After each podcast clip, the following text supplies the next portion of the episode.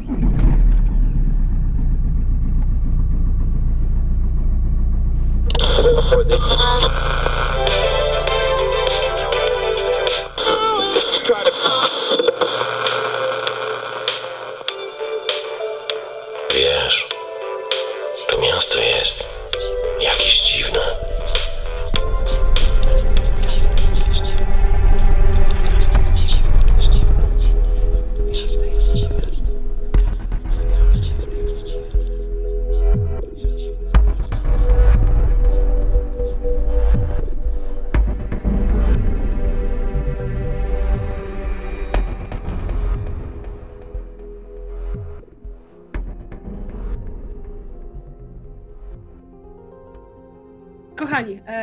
witajcie na e, naszym streamie na bardzo ostrym dyżurze.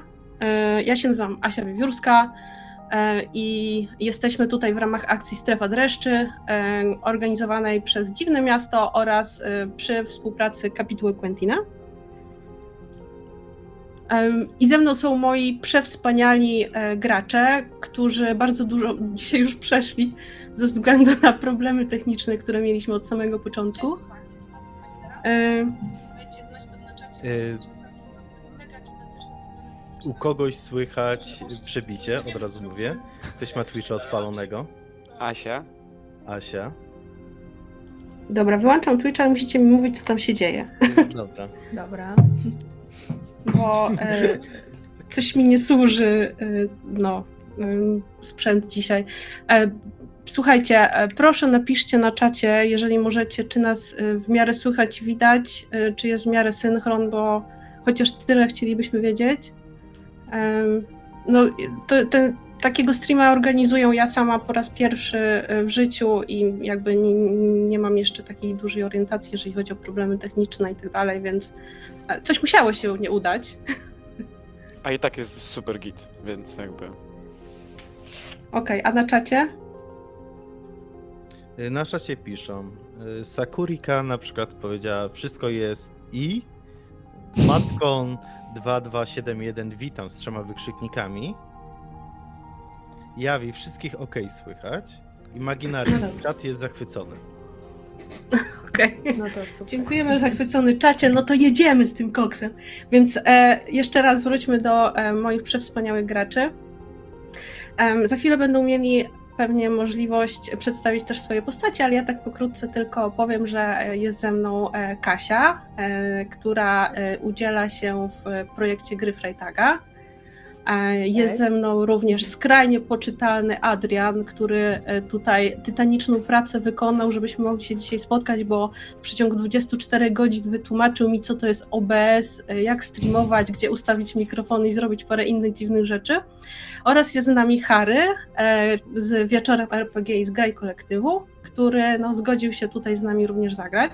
Zgodził się. E, Ja błagałem o to, żeby zagrać. Jasne.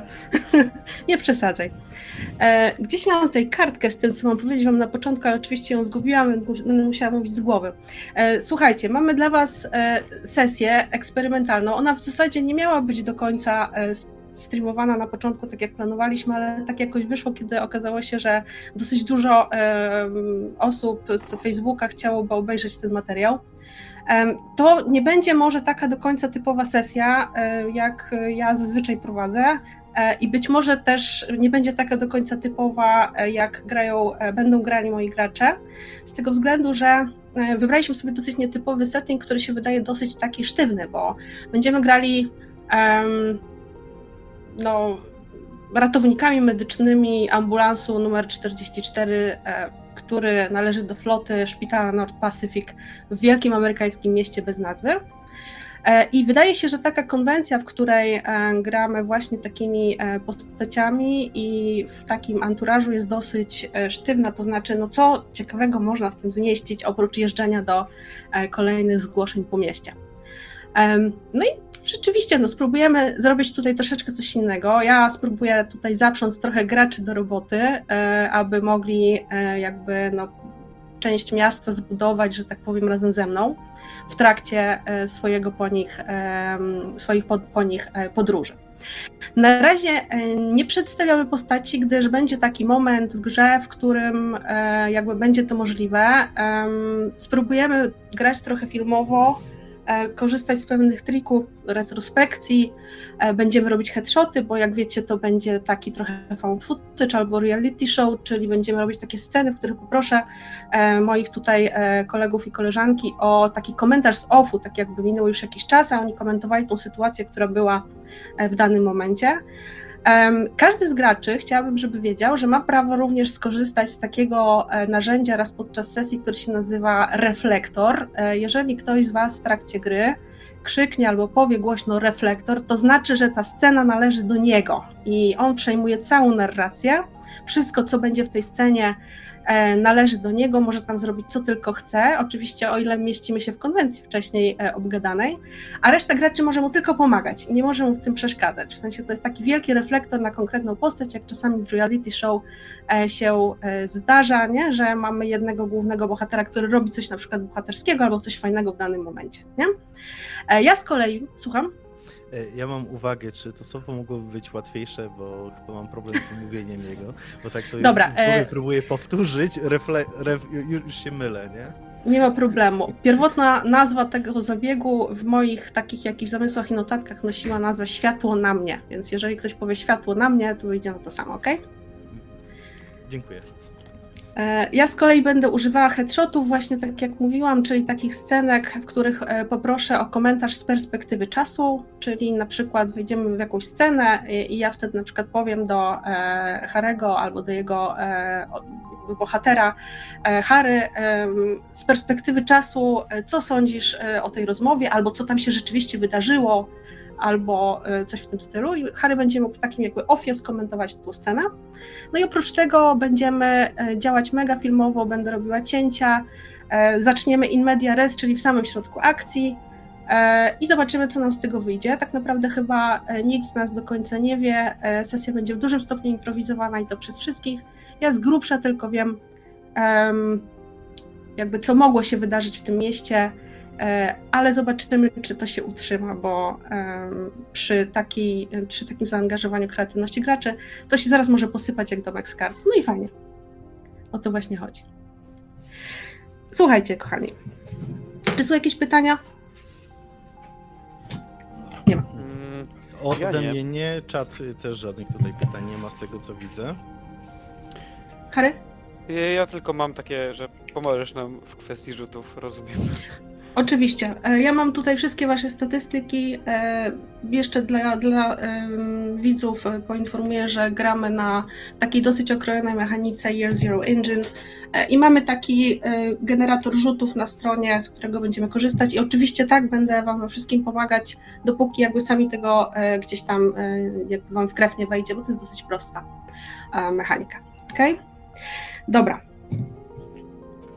Mm. Zaczynamy, tak jak mówiłam, in media res. Wyobraźcie sobie bardzo jasno oświetloną halę targowiska w samym środku miasta. Fakt, że jest już e, noc, e, właściwie wieczór, ale zapadł już zmrok, więc e, dookoła słyszycie klaksony aut, neony, światła przyjeżdżających em, motocykli. Gdzieś z daleka słyszycie beat z jakiegoś nocnego klubu, który gdzieś tam w e, dole ulicy się znajduje. Jesteście w Easttown, to dzielnica e, imprezowa, więc jakby nic dziwnego, że jest tutaj mega duży ruch. Wyobraźcie sobie trochę taką, takie targowisko, nie wiem, w Kalkucie albo w Bangladeszu, tylko teraz przenieście to do wielkiego amerykańskiego miasta, tak? Czyli jest entropia, chaos, jest bardzo dużo dźwięków, e, muzyki, ludzi. Dookoła was stoiska z najróżniejszym jedzeniem. Po lewej stronie macie stoisko z wielkim takim platerem paeli, już do połowy zjedzonym, bo tam mnóstwo osób chodziło, e, kupowało sobie to jedzenie. Po drugiej stronie macie jakiś ogródek piwny z kilkoma osobami siedzącymi e, w tym ogródku. Gdzieś jeszcze obok e, budę z pamiątkami, z magnesami z tego miejsca, z szalikami i tak dalej. No, generalnie mnóstwo ruchu i tak dalej. E, Dookoła Was e, zgromadzonych jest, zgromadzony jest całkiem e, niemały tłum. Niektórzy patrzą ze zaniepokojeniem, niektórzy trochę nietrzeźwi się podśmie podśmiechują, komentują coś i tak dalej, ale Wy jakby tego nie słyszycie, bo jesteście w pracy. E, I dla Was taka scena jak ta jest, y, no nie powiedziałabym rutynową do końca, e, bo jakby znacznie częściej zdarzają się interwencje gdzieś w budynkach, w domach u kogoś, a nie na samym środku tak naprawdę wielkiej e, miejskiej imprezowni, ale tym razem tak się stało. Na asfalcie targowiska leży mężczyzna, gdzieś koło 60. e, Prawdopodobnie latynoamerykańskiego pochodzenia. E, Jest dosyć niedbale ubrany, jego koszula jest zachlapana e, jakimś jedzeniem. Prawdopodobnie pracuje tutaj, tak jak wiele osób jego narodowości, bo to jest taka trochę dzielnica właśnie latynoamerykańska. Zostaliście, jakby dostaliście się tam e, swoim e, ambulansem, który stoi e, kawałek od tego miejsca. Mężczyzna się zatrzymał. Z jakiegoś powodu po prostu szedł pomiędzy stoiskami, po czym upadł, ktoś wezwał pogotowie i tak wy znaleźliście się tu- tutaj na miejscu. Alex i e, Luka, e, przepraszam, Alex i Artur, udzielacie e, pierwszej pomocy. To jest akcja ratownicza, gość ma zatrzymaną akcję serca, gość zatrzymał się również oddechowo. Tymczasem rolą Luki w tym całym przedsięwzięciu jest zabezpieczenie terenu, aby nikt się tutaj nie kręcił, aby nic się z tym wszystkim nie działo. Luka, co się dzieje? Co robisz? Ja w tym momencie patrzę na właśnie grupkę kilku młodych nastolatków, którzy wyciągają telefony i próbują robić zdjęcia i filmy, więc po prostu podnoszę ręce i mówię, tu nie masz niczego do fotografowania, możecie już stąd iść. Idźcie, ty tam z tyłu również, idźcie dalej, tu nie ma nic ciekawego do... Pani też, to, to jest teren zamknięty, chcielibyśmy tutaj za- zająć się naszą pracą, tak? Odwracam się do moich e, do, do kolegów, e, koleżanki, kolegi koleżanki z pracy. Wszystko w porządku? Rzucam w waszą stronę.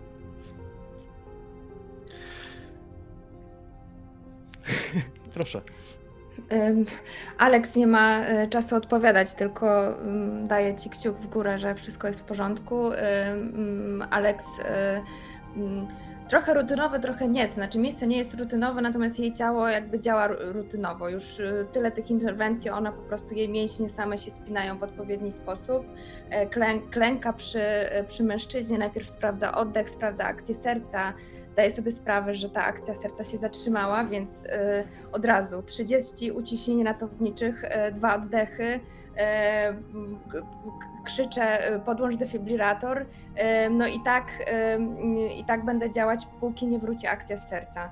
E, Nie widzę tłumu, nie widzę nikogo, nikogo naokoło, jestem sfokusowana tylko na tym mężczyźnie, który leży pode mną. E, Luka, e, ty widzisz, że gdzieś nieopodal tego tłumu e, stoi dziewczyna, nie wiem, mniej więcej może 16-letnia i tak dalej. Jest ubrana no, w miarę ubogo, podobnie jak ten mężczyzna i wpatruje się w niego z takim mega zaniepokojonym wzrokiem. Po chwili dostrzegasz pewne podobieństwo, być może jest z nim spokrewniona. Stoi jak słup soli. Od razu widzę to, widzę to podobieństwo, widzę ten wzrok, więc e, kiedy tylko ogarniam tę tę grupkę nastolatków, już oni odwracają się znudzeni sytuacją, bo nie ma żadnych pościgów i wybuchów, e, tylko, no, tylko jakaś rutynowa sytuacja na drodze. Zwracam się do niej, zbliżam się powoli i od razu jakby tak patrzę kilkukrotnie, żeby się przynajmniej przypadkiem nie pomylić, albo Zastanawiam się, co powiedzieć, bo już tyle razy mówiłem coś niestosownego w takiej sytuacji. Nie jestem dobry do tego, żeby rozmawiać z osobami bliskimi, tym, które właśnie w tym momencie są em, ogarniane przez moich kolegów i koleżanki z pracy, więc tylko patrzę i. Y, zna, znasz go? Widać, że e, jest zakłopotana, patrzy na ciebie przez chwilę. E, No, komprendę. O. E, więc odpowiadam jej po hiszpańsku. Mhm. E, ja jako również latynoamerykanin em, od razu wychwytuję język, więc po hiszpańsku pytam się, czy, czy tata, opiekun, ktoś bliski. To tato, to mój ojciec. Spokojnie. e, Może pani usiąść w ambulansie tam. On jest po prostu bardzo zmęczony, na pewno nic mu nie będzie. Dlatego proszę się e, uspokoić. Skoro mu nic nie będzie, to mu nic nie będzie. Nic nie możemy obiecać, ale proszę usiąść może gdzieś tutaj na boku. E, zaraz coś e, załatwimy. Patrzę, czy jest w okolicy może jakaś kawiarnia, która jeszcze działa, albo cokolwiek, jakieś miejsce.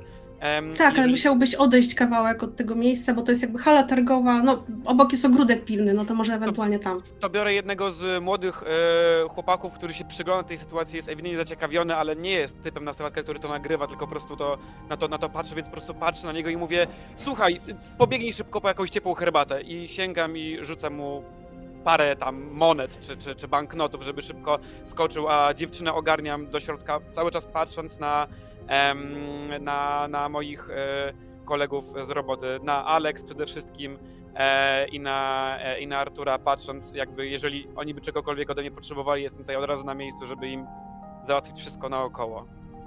Okej, e, Artur, e, jakby przed, przez chwilę e, zwolniłeś Alex przy resuscytacji, przy masażu serca i tak dalej, żeby mogła trochę odpocząć, bo to jest jednak naprawdę ciężka charówka, jakby przywracać krążenie jakiejkolwiek leżącej w ogóle osobie i nieprzytomnej. Alex, to był chyba dzień jak co dzień, o ile dobrze mi się wydaje, czy nie? Zanim przyszłaś na dyżur. Tak, od jakiegoś e, roku każdy dzień jest e, prawie taki sam. Nocne dyżury, e, a w ciągu dnia opieka nad moim bratem, który ciężko choruje. Więc wieczorem w nocy udaje mi się ratować ludzi zazwyczaj, a w ciągu dnia patrzę, jak mój brat umiera.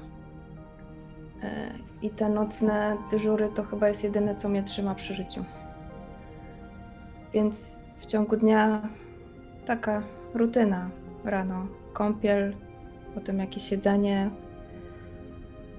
potem jedziemy na chemię, wracamy, rozmawiamy. Już nie jest w stanie czytać, więc y, ja mu czasem czytam i potem śpi. Potem wstaje i wymiotuje to, co zjadł. Więc taki był dzień.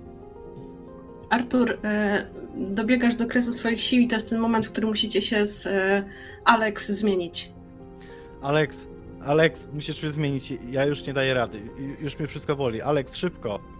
Szybko, nie E, możemy go stracić. To nie może być kolejny Spytaj, spytaj tej, tej córki, spytaj tej córki, czy, czy, czy on na coś choruje, czy bierze jakieś leki. A, a, a co robi Luka teraz? Luka, ty, ty zaprowadzę- miałeś się zająć. Obok ciebie jestem i, i widzę, że prowadzę, ja to wychwytuję, ale też czekam jakby na Mhm. wasze wzroki, wasze polecenie, jeżeli mam to robić. Dobra, Luka, dawaj, ja cię zmienię. Ja, ja pogadam z modą. Ja, ja potrafię rozmawiać z dziećmi. Ale, ale przejmij Ja nie potrafię mnie. masażować. ma- ma- Nie, nie, Alex, jest? e, Alex jakby już jest okrakiem, siedzi nad gościem i, e, i, i, i, i robi resu, res, resuscytację.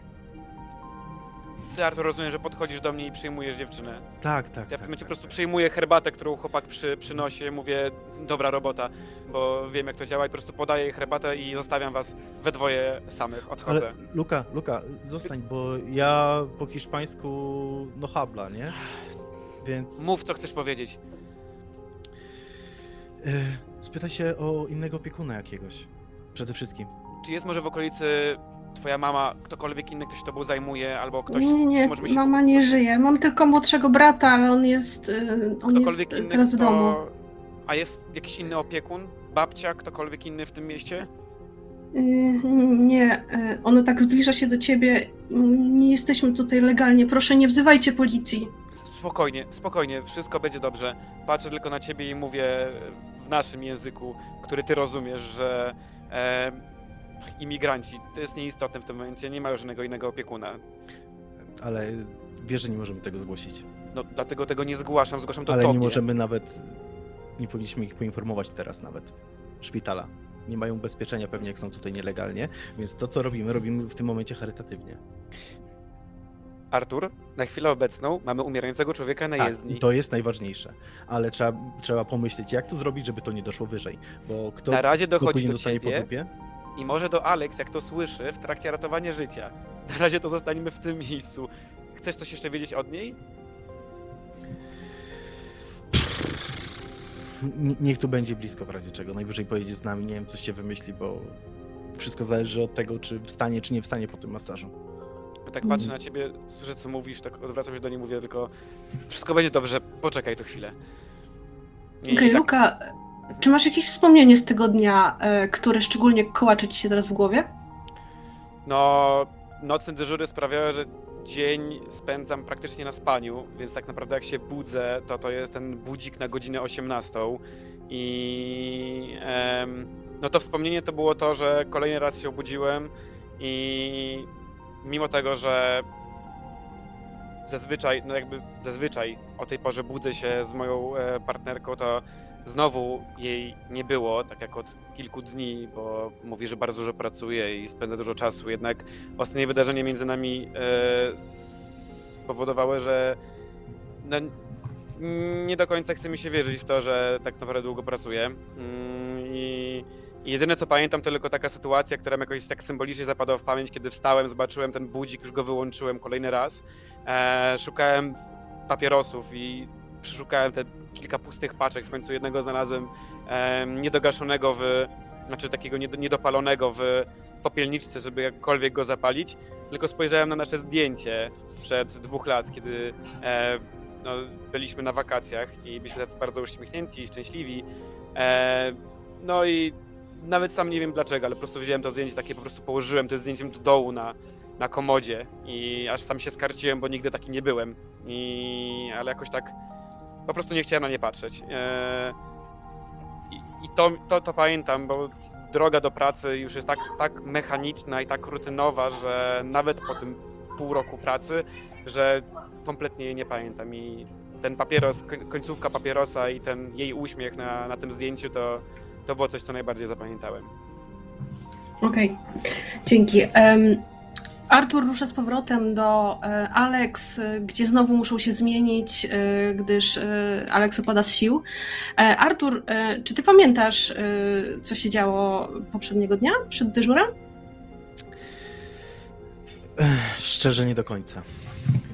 Od wielu dni, tygodni, miesięcy wszystko mi się zaczyna zlewać w jedną całość. Praktycznie cały czas jestem w pracy. Do domu to tak naprawdę nie wiem po co wracam. Jak, jak mogę, to odsypam w szpitalu i znowu jeszcze karetką i pomagam na miejscu, pomagam dzieciakom, pracuję w klinice. Muszę dużo pracować, muszę jak najszybciej zarobić i odłożyć pieniądze, żeby wynagrodzić za opiekę moim przybranym rodzicom, za to, że dali mi dom. Więc tak właściwie nie wiem, czy wczoraj jadłem zupę, czy to było przedwczoraj, może dzisiaj na śniadanie, może to jutro było. Ciężko jest mi określić. Wszystko jest po prostu jednym wielkim ciągiem, w którym nie ma ani chwili przystoju. Okej.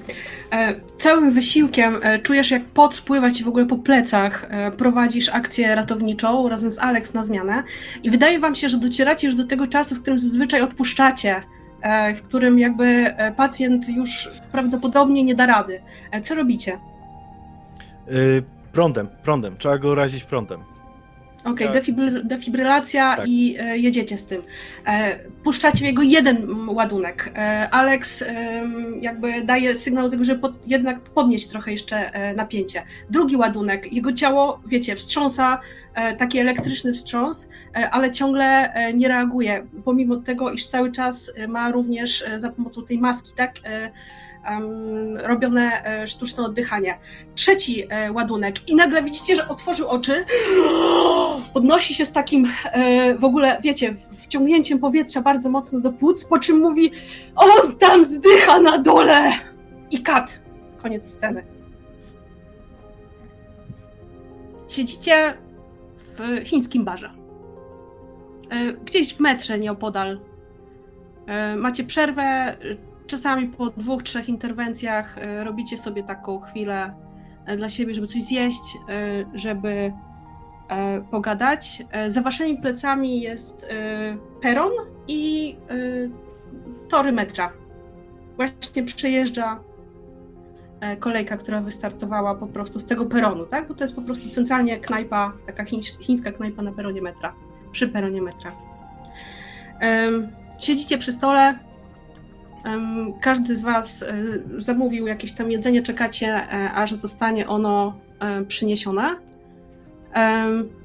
Alex, czy mogłabyś opowiedzieć nam, jakie właściwie relacje łączą Cię z Luką?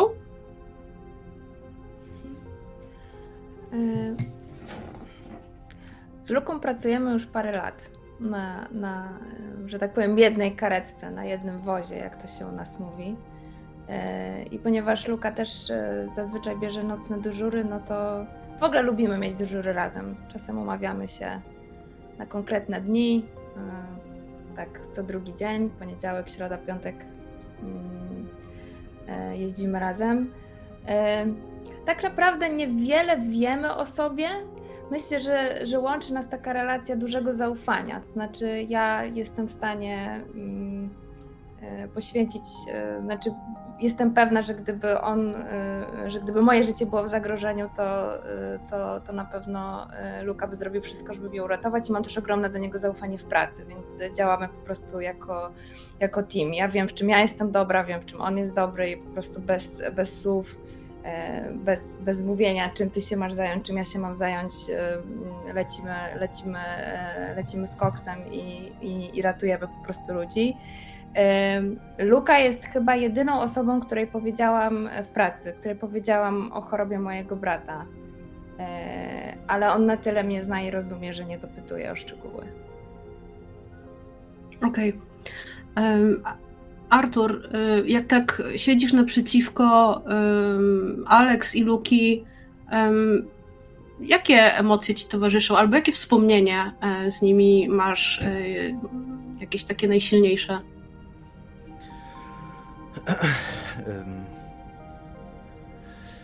Jak z nimi siedzę, to generalnie ten moment w oczekiwaniu na chińskie jedzenie, które jest podłe, ale mi to zupełnie nie przeszkadza, bo jest tanie, jest taką chwilą wytchnienia i spokoju. To jest jeden z niższych momentów, w którym mogę wziąć oddech po prostu, mm, jeżeli chodzi o tą codzienność. I oni wiedzą, oboje oni wiedzą o mojej sytuacji, że po prostu zostałem adoptowany jak y, byłem mały i że czuję duży dług wdzięczności w stosunku do moich rodziców.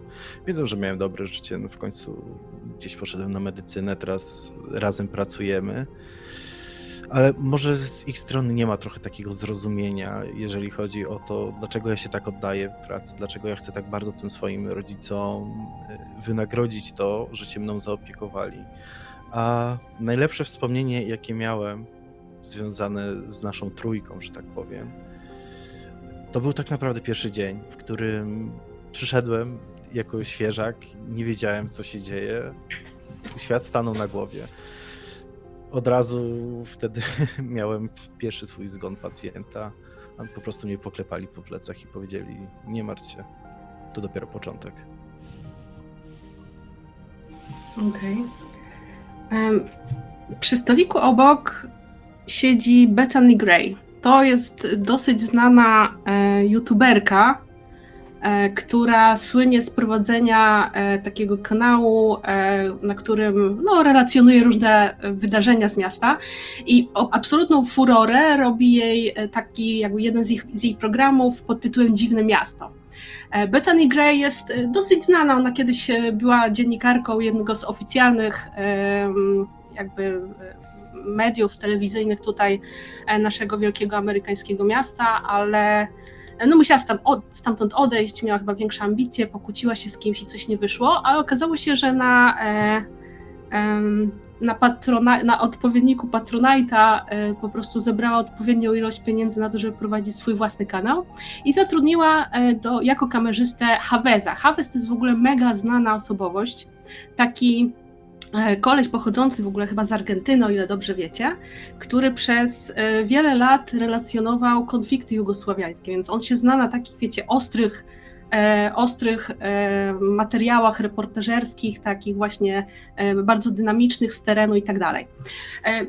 Ze względu na to, że North Pacific jest oczywiście prywatną placówką medyczną, jak e, niemalże wszystkie w Stanach Zjednoczonych, e, a wasi e, szefowie stwierdzili, że no, muszą sobie jakby troszeczkę podbić możliwość zdobywania funduszy, zgodzili się na współpracę Bethany Gray i Haveza z, ze szpitalem, no i przez to jakby przykleili się do was i chodzą za wami wszędzie, filmują wasze akcje w mieście, w terenie i tak dalej. Zresztą dosyć dobrze się z nimi dogadujecie. To nie są, e, wiecie, jacyś tacy e, pierwsi, lepsi dziennikarze, którzy próbują się zbić na waszej popularności. Oni mają swoją popularność i swoją wartość.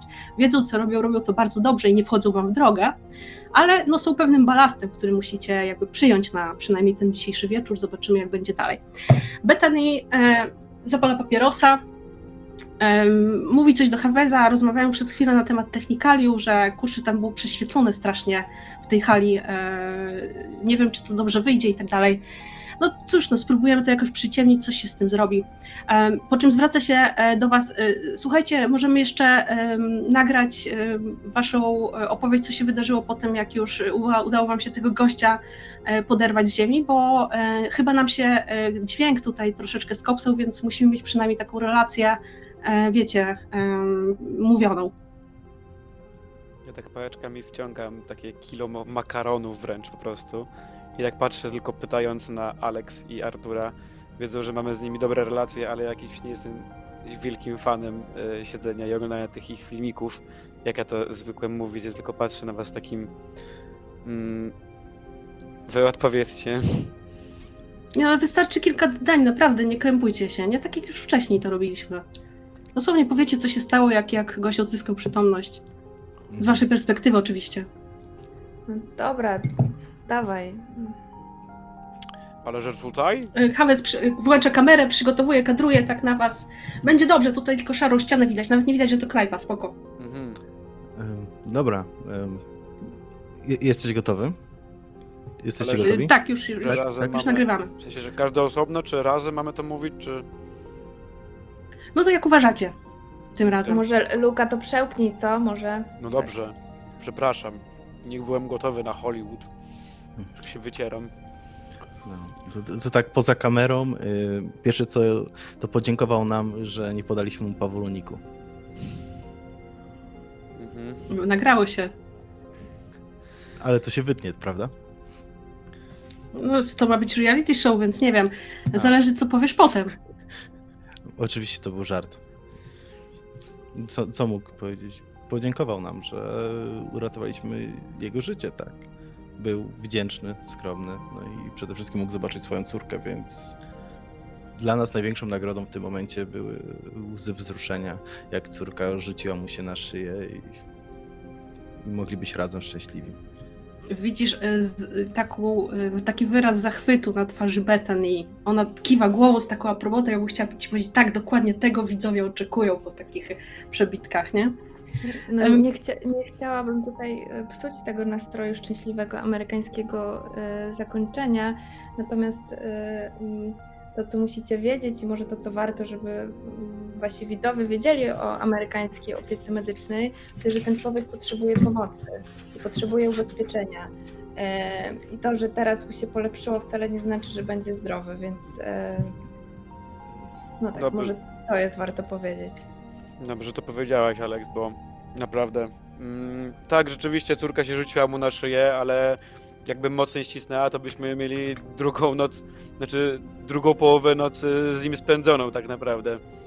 Więc y, jeżeli cokolwiek. A tak co by się... Tak, tak? Mhm. A co by się stało, gdyby nie udało wam się go uratować? I patrzy na ciebie, Luka. No w sumie Luka mógłbyś być jej ojcem. Mhm. Świetny dowcip. No, byśmy wracali bez sygnału tym razem. Widzisz, że Betany zacisnęła usta, e, po czym kiwnęła głową na Haveza i Havez wyłączył kamerę. Chyba nie tego się spodziewali po tej scenie. I w momencie, w którym on wyłącza kamerę, za waszymi plecami e, rozgrywa rozlega, rozlega się dzwonek taki przy drzwiach, wiecie, e, otwieranych drzwi do knajpy i do środka wchodzi dwóch gliniarzy. Znacie ich. Oni też pracują na ulicy, tak jak wy, e, często spotykacie się na dyżurach. E, czy któregoś z tych gliniarzy ktoś z was zna lepiej? Mm, Ja mogę znać jednego lepiej. Jednego, a drugiego dawaj. pewnie nie cierpię. Mm, jeden z nich to jest. e, Będę potrzebowała jego imienia na pewno. George Flint. E, Mhm.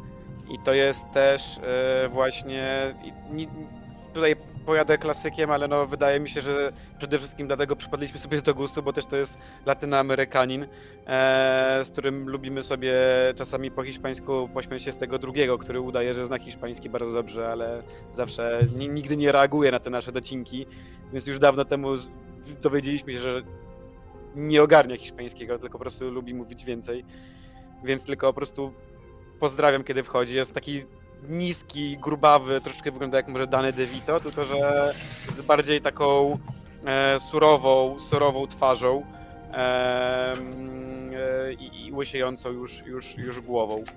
mm, Jeżeli chodzi o e, George'a Flinta, a ma tak imię, bo urodził się tutaj.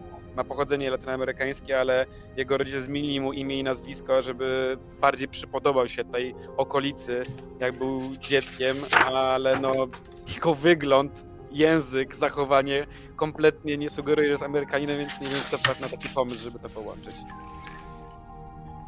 Okej. a Drugi z gliniarzy nazywa się Chandler e, i pracuje z George'em Flintem od niedawna, na, dlatego nazywają go młody. E, W przeciwieństwie do Chandlera jest e, dosyć wysoki, wysportowany i całkiem przystojny i już nie pierwszy raz przystawiał się do Alex. Tym razem również jak was zobaczyli, Chandler skinął głównie do Luki e, głową, a e, e, przepraszam, George skinął do Luki głową, a Chandler uśmiechnął się szeroko na widok e, Alex. E, siedli przy stoliku obok. No cześć, jak tam dzisiejsza nocka? I od razu posyłam spojrzenie Alex. Mamy taki specjalny kod, że jeżeli Alex ma już tego dosyć, to daje mi znać, a ja odbieram telefon z.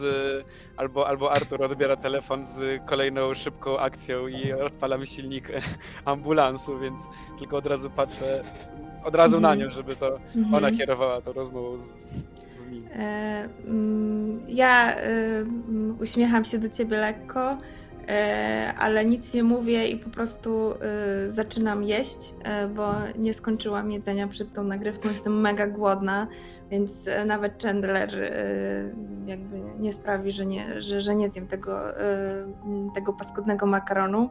E, Ale tak siadam mm, bardziej jeszcze bokiem do niego, nie, nie zapraszając go moim, e, moją mową ciała do, do jakiejś rozmowy, mając nadzieję, że Luka tutaj przejmie konwersację. To ja mając jeszcze usta w makaronie patrzę na Artura, żeby on przejął konwersację. To przejmuje, pan, y, to przejmuje y, oczywiście konwersację. E, e, A panowie jak u was? No u nas jak widać jemy Chińczyka. Stary, nie wyobrażasz sobie, jaka ta noc jest porypana. Naprawdę od dawna nie mieliśmy takiego dyżuru. Byliśmy dzisiaj już na dwóch interwencjach z przemocą domową i to tak po grubasie, jak praktycznie się nie, e, nie zdarza. E, Mieliśmy dzisiaj samobójcę, w sensie udało nam się go ściągnąć, ale próbował skoczyć e, Mhm. z jednego z budynków na Broadmoor. No i ta kobieta, którą musieliśmy wyciągnąć z wanny, to akurat fajne było. Ale naprawdę jest grubo, jest w ogóle porypana noc, czuje się jak w Halloween normalnie, nie? To wszystko mówi oczywiście George, Chandler Mhm. się tam przysłuchuje tym rozmowie. A u was? Nie no, nie no, to słodko. Wyobraź sobie, że my mamy tak praktycznie każdego dnia. Czasami nawet 2-3 razy grubiej. I każdy dzień mam na myśli po 12 do 18 godzin dyżuru, a nie 6 czy tam 8. Tak patrzę. Okej. A, patrzę na Artura z takim. Spokojnie, już go nie tak. Nie miażdż go. Taki, taki mam taki wzrok z takim kurczę. No ale tak wcinam do końca już i tak patrzę tylko na, na, na, na, na to, czy ty, ty, ty Artur skończyłeś swoje Oczywiście. jedzenie, czy też. Yy, Nie, nie, ja tam sobie mm, oczywiście urządzam pogawędkę. No, ale poza tym to całkiem spokojnie. Tam jedna jakaś taka akcja poważniejsza, więc y, przynajmniej macie możliwość dzisiaj zobaczyć, jak my na co dzień się czujemy. I co fajnie? No to opowiadajcie, co wam się przydarzyło. Mieliśmy Artur? takiego. E, no, no, mów, Luka. Mieliśmy takiego, mm, no, dzisiaj akurat wyjątkowo spokojnie, ale no, mieliśmy po prostu jeden zawał na mieście w, w Easttown chyba, gdzieś tam, więc nic jakoś bardzo ekscytującego. Na szczęście Alex i Artur stanęli na wysokości zadania więc wszystko skończyło się w miarę happy endem. Tak patrzę w stronę Bethany i Haveza, e, że, tak, skończyło się takim happy endem. E, ale w ogóle to tak patrzę na Alex i Artura. Kojarzycie, co on tam powiedział? Jak on e, dostał tym prądem za trzecim razem? I kończy już tak. Odbiło mi się Mm. delikatnie ten Czy y, dalej ta para dziennikarska z nami siedzi? Tak, ale oni siedzą przy osobnym stoliku i rozmawiają ze sobą, nie zwracają na was Mhm. na razie uwagi. Jedzą po prostu swoje żarcie, nie? Coś tam krzyknął pod ziemią. No właśnie też mi się tak wydawało, ale zająłem się wtedy, tro- no, starałem się ogarnąć tę jego córkę, żeby nie patrzyła jak jej ojciec umiera, ale coś, coś mi tu, no nie wiem, może po prostu noc. No, ile razy mówili o relacjach z drugiej strony, tunel, światło, tak dalej. No właśnie. Ale Też mi się wydaje, że mógł. Wiecie, tam też to tłumaczą tym, jak mózg powoli obumiera, że po prostu wtedy są też takie wizje no, na poziomie też neurologicznym, to mogło mu się wydawać po prostu. może i tak. A ten samobójca coś też widział? Patrzę na, e, na e, George'a i No, Chandlera. nie, nie wiemy, po prostu zgarnęliśmy go z tego dachu, zapakowaliśmy go do suki i zawieźliśmy do aresztu. Do aresztu? Tak, No to się No mamy taki dzisiaj- za, samobój... za próbę samobójczą? no... pff, Mamy podstawę twierdzić, że to była taka, wiecie, udawana próba samobójcza, nie? No Taka, żeby bardziej ściągnąć służby. trafić do, do szpitala i dostać pomoc. No może, może ktoś go tam zawiezie do szpitala, my nie mieliśmy na to czasu, bo musieliśmy jechać do następnego, nie? Delikwenta. Wiecie jak działa system, mówię do Alex i Artura. System działa zajebiście. Musiał przecież siedzieć, spędzi teraz noc na dołku i jutro Na pewno wróci... mu się polepszy, nie? No Mhm. właśnie, więc świetna robota chłopaki. George, naprawdę? Zostawiłeś go tam? Jak patrzę na niego. Stary, to, to nie moja robota, ja nie jestem psychiatrą. No, jakbyście ja to też wy byli nie. pierwsi na miejscu, to zrobilibyście co możecie. A myśmy zrobili co my możemy. No myślę, że e, no ja to bym e, gówno zrobił. Myślę, że e, Alex też by gówno zrobiła. Artur może coś ogarnąć, jeżeli chodzi o psychiatrę, ale tak naprawdę to trzeba zawieźć do specjalisty, a nie zostawiać ich pod niczyim nadzorem. No, no generalnie No to jak to chyba... pod niczyim nadzorem? No w areszcie jest, nic mu się nie stanie. Czyli mówię, pod niczyim nadzorem. To ty nigdy nie byłeś w areszcie? Stary. No, wiesz jak to wygląda, no tam pracujesz, przecież tyle razy mi mówiłeś, że wszyscy macie... Sorry, może to jest po prostu dzisiejszy, dzisiejsza noc, ale jak zobaczyłem tę małą dziewczynę i wiesz Artur co ona mi powiedziała? Tego ci nie mówiłem. Ale jak zapytałem się o, tych opiekunów i tak dalej, powiedziała mi, że ma tylko tego młodszego brata i od razu przed oczami mi stanął taki obraz, wiesz, no małej dziewczyny, młodszego brata, ojciec umiera na ziemi, imigranci ni stąd, no stary, to a teraz sobie myślę o tym samobójcy, który też nie ma jakoś pewnie zajebiście w życiu. Nawet jeżeli udawał czy nie, no to no, trzeba być postawionym chyba pod ścianą, żeby udawać samobójstwo, więc jak patrzę na Chandlera. Ja się w to nie mieszam. No takie dostaliśmy wytyczne, to tak zrobiliśmy. A jednak e, kiedy pytali was o to, co się wam dzisiaj wydarzyło i mówili o tym, że mieli tam różne interwencje, e,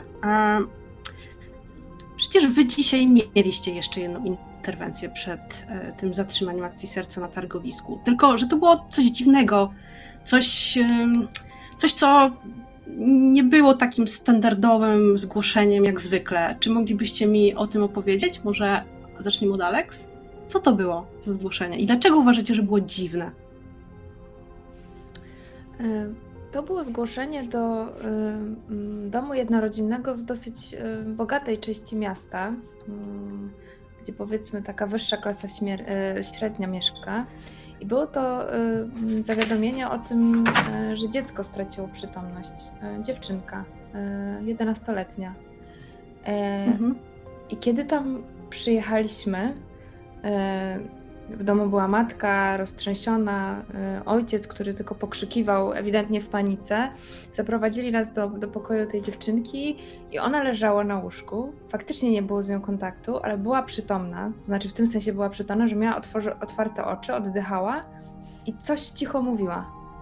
Ale nie było z nią żadnego kontaktu. Luka, pamiętasz coś jeszcze?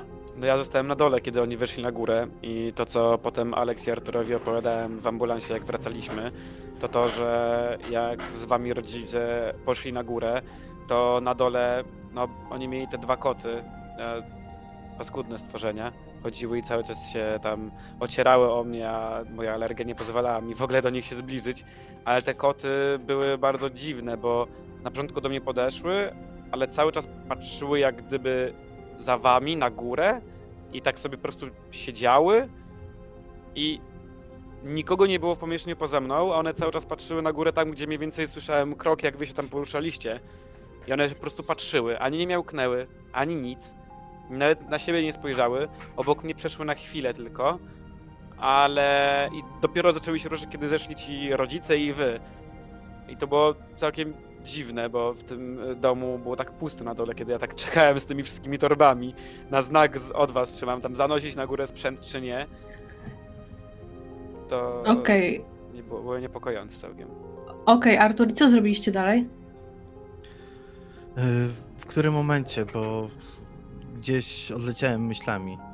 Okej, e, no co zrobiliście z tą dziewczynką? Zostawiliście ją, tak? Podaliście jakieś leki, zabraliście ją do szpitala, co z nią zrobiliście? Szczerze, wydaje mi się, że my ją zabraliśmy do szpitala, ale dla mnie to wszystko jest takie mgliste, bo od momentu, kiedy weszliśmy do, do tego domu, poczułem się bardzo nieswojo. I koty jak koty, czy cała reszta, ale czułem się trochę jakbym kroczył przez mgłę. Bardzo ciężko mi się oddychało i trochę jakbym się podtapiał. Nie wiem do końca, co się działo. Czułem się, jakbym był za jakąś taką zasłoną, jakbym był pod wodą jakby to powietrze mi się wlewało do płuc i mnie obciążało. Wszystko jest teraz takim ciężkim wspomnieniem. Chciałbym coś więcej powiedzieć, ale jedno jest pewne, że ja bym nie chciał wracać do tego domu. Albo, albo to ci ludzie. Nie wiem. Jasne. Dźwięk tej takiej waszej krótkofalówki, która jest połączona z e, ambulansem, e, wyrwał was z rozmowy z Chandlerem i z George'em. E, W, jakby w głośniku słyszycie kod, który was wzywa po prostu e, do, e, do odpowiedzi. Wywołuje was, nie? 40, 44. Zgłoście. Od razu odbieram i 4-4 zgłaszam się. E, Jedziecie pod Roanoke, e, pod most e, główny. Tam jakiś wypadek był. Jesteśmy na drugiej stronie miasta. Nie ma kogoś bliżej, naprawdę? Sorry, ale nie ma. Mamy wszystkich w terenie, jest jakiś Saigon dzisiaj. Mówisz. Także ruszajcie. Tak, tak, jedziemy, jedziemy. A jakieś więcej detali? Wiemy, że jest wypadek, być może jest ofiara śmiertelna. e, Mamy też wezwania od Straży Pożarnej, bo ktoś jest uwięziony w aucie. O, jasna cholera. Dobra, jedziemy, jedziemy, zaraz Może tam być, będziemy. może być grubo. Zaraz tam będziemy. E, Jak tylko tu- powiedziałeś, zaraz tam będziemy, to Bethany i Chandler tak jakby po prostu stali i byli gotowi na wszystko, nie? W sensie widać wytrawnych e, dziennikarzy miejskich. Tak patrzę i patrzę na Alex i Artura. Ofiara możliwe śmiertelna, uwięziony w samochodzie, most. Nieważne gdzie ja was zawiozę, po prostu się przygotujcie przynajmniej mentalnie. Ja od razu tylko- tylko wyciągam jakieś tam pieniądze, dolary, kładę na stół, e, Mhm. wciągam ostatni makaron i, i Alex już stoi przy drzwiach.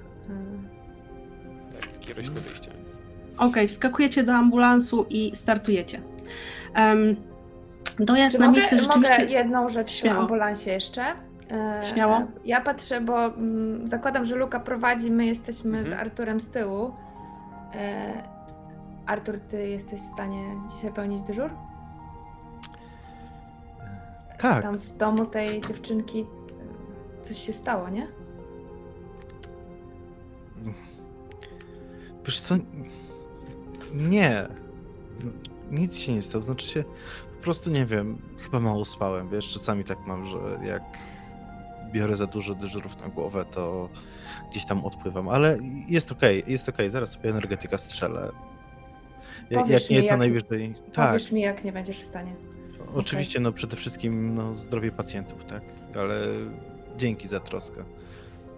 Ja Jakby ustawiam- było mocno źle, to się nie krępuj, możesz mi strzelić liścia po twarz, może się wtedy obudzę. Ale mam nadzieję, że nie zasnę z otwartymi Nie, oczyma. walnij z Red Bulla w pierwszej kolejności. Ja weźmy ustawiam sobie lusterko, żeby widzieć to, co mówią, jak tylko on mówi o tym energetyku, tak posuwam tę torbę, którą mamy na froncie z tymi Red Bullami, ze wszystkim, i tylko po prostu pycham ją do tyłu i mówię, do liścia też jestem w kolejce. Uwaga! I skręcam tak gwałtowniej. Eee, troszeczkę, ale no, zapierdalam jak dziki. Okej, jedziesz bardzo szybko. E, dookoła e, ciemności, tylko neony i światła. Co widzisz? Widzę dosłownie takie smugi neonów i świateł po prawej i lewej stronie, które taką kolorową ferią odbijają mi się na szybie. E, słyszę przede wszystkim dźwięki e, trąbnięć i, i, i sygnału, bo jak tylko wyruszyliśmy spod Chińczyka, od razu sygnał rozbrzmiał w naszych uszach, ale wydaje mi się, że my już w ogóle praktycznie tego nie słyszymy. Nie robi na nas takiego wrażenia, nie rozglądamy się na prawo i lewo jak wszyscy, których mijamy, tylko po prostu tak sobie myślimy, że, że niech ta muzyka po prostu gra. E, towarzyszy nam jako, jako jedyna ścieżka dźwiękowa naszych przygód e, przez e, co praktycznie na, przez ka- za każdym dyżurem. No widzę, no właśnie, jest ciemno i co chwilę przecieram jedno oko i drugie oko i mrugam. E, staram się mrużyć oczy, żeby dostrzec wszystko dokładniej, bo tylko wtedy widzę, widzę troszeczkę lepiej, ale jak e, to, robię to wtedy, kiedy wiem, że ani Alex, ani Artur nie patrzą w moją stronę. Więc e, co chwilę się poprawiam w siedzeniu, co chwila poprawiam lusterko i skupiam się, mrugając kilka razy, e, żeby patrzeć na drogę. W pewnym momencie nie zauważyłem jednego samochodu, który nie zjechał w trakcie robienia tego korytarza życia. Zatrąbiłem tak mocno, gwałtownie zahamowałem, że pewnie kilka rzeczy z półek pospadało. Przeklnąłem e, w duchu, potem na głos i wyminąłem go i, i ruszyłem prędko pod most. Sorry, jadę dalej. Na szczęście most Roanoke jest już w takiej troszeczkę o tej porze bardziej opustoszałej części miasta, więc kiedy udało wam się wyrwać z tego głównego kotła korków, nie, samochodów, e, ludzi chodzących po ulicy, imprezujących e, wieczorem, to zaczyna się robić po prostu łatwiej. Em, Roanoke leży na takim terenie e, trochę już takim przemysłowym, powiedzielibyśmy. Są tam różne hale fabryczne, magazyny, e, innego e, tego typu bardziej przemysłowe, e, gospodarcze budynki. No i jest to też dzielnica właśnie taka, takich wielopoziomowych mostów z metrem, który wyjeżdża nad powierzchnię ziemi na jakiś e, odcinek i e, w związku z tym most tego metra w tym momencie jest sporo nad wami, e, słyszycie jakby stukot, tak, przyjeżdżających kolejek e, metra. Gdy podjeżdżacie pod wielkie przęsła, e, te kolumny e, pod, e, pod mostem, e, już z daleka e, widzicie jakiś tam trójkąt ustawiony przez kogoś życzliwego e, na ziemi, kilka aut, e, które się gdzieś tam zatrzymały, e, cywilnych, tak? Ludzie próbują e, pomóc. I chciałabym teraz, żebyście mi opisali, co tam się wydarzyło i co was w tym wszystkim najbardziej zaniepokoiło. Żeby tak pozbierać myśli. Samochód, uwięziona osoba, możliwa ofiara śmiertelna pod mostem.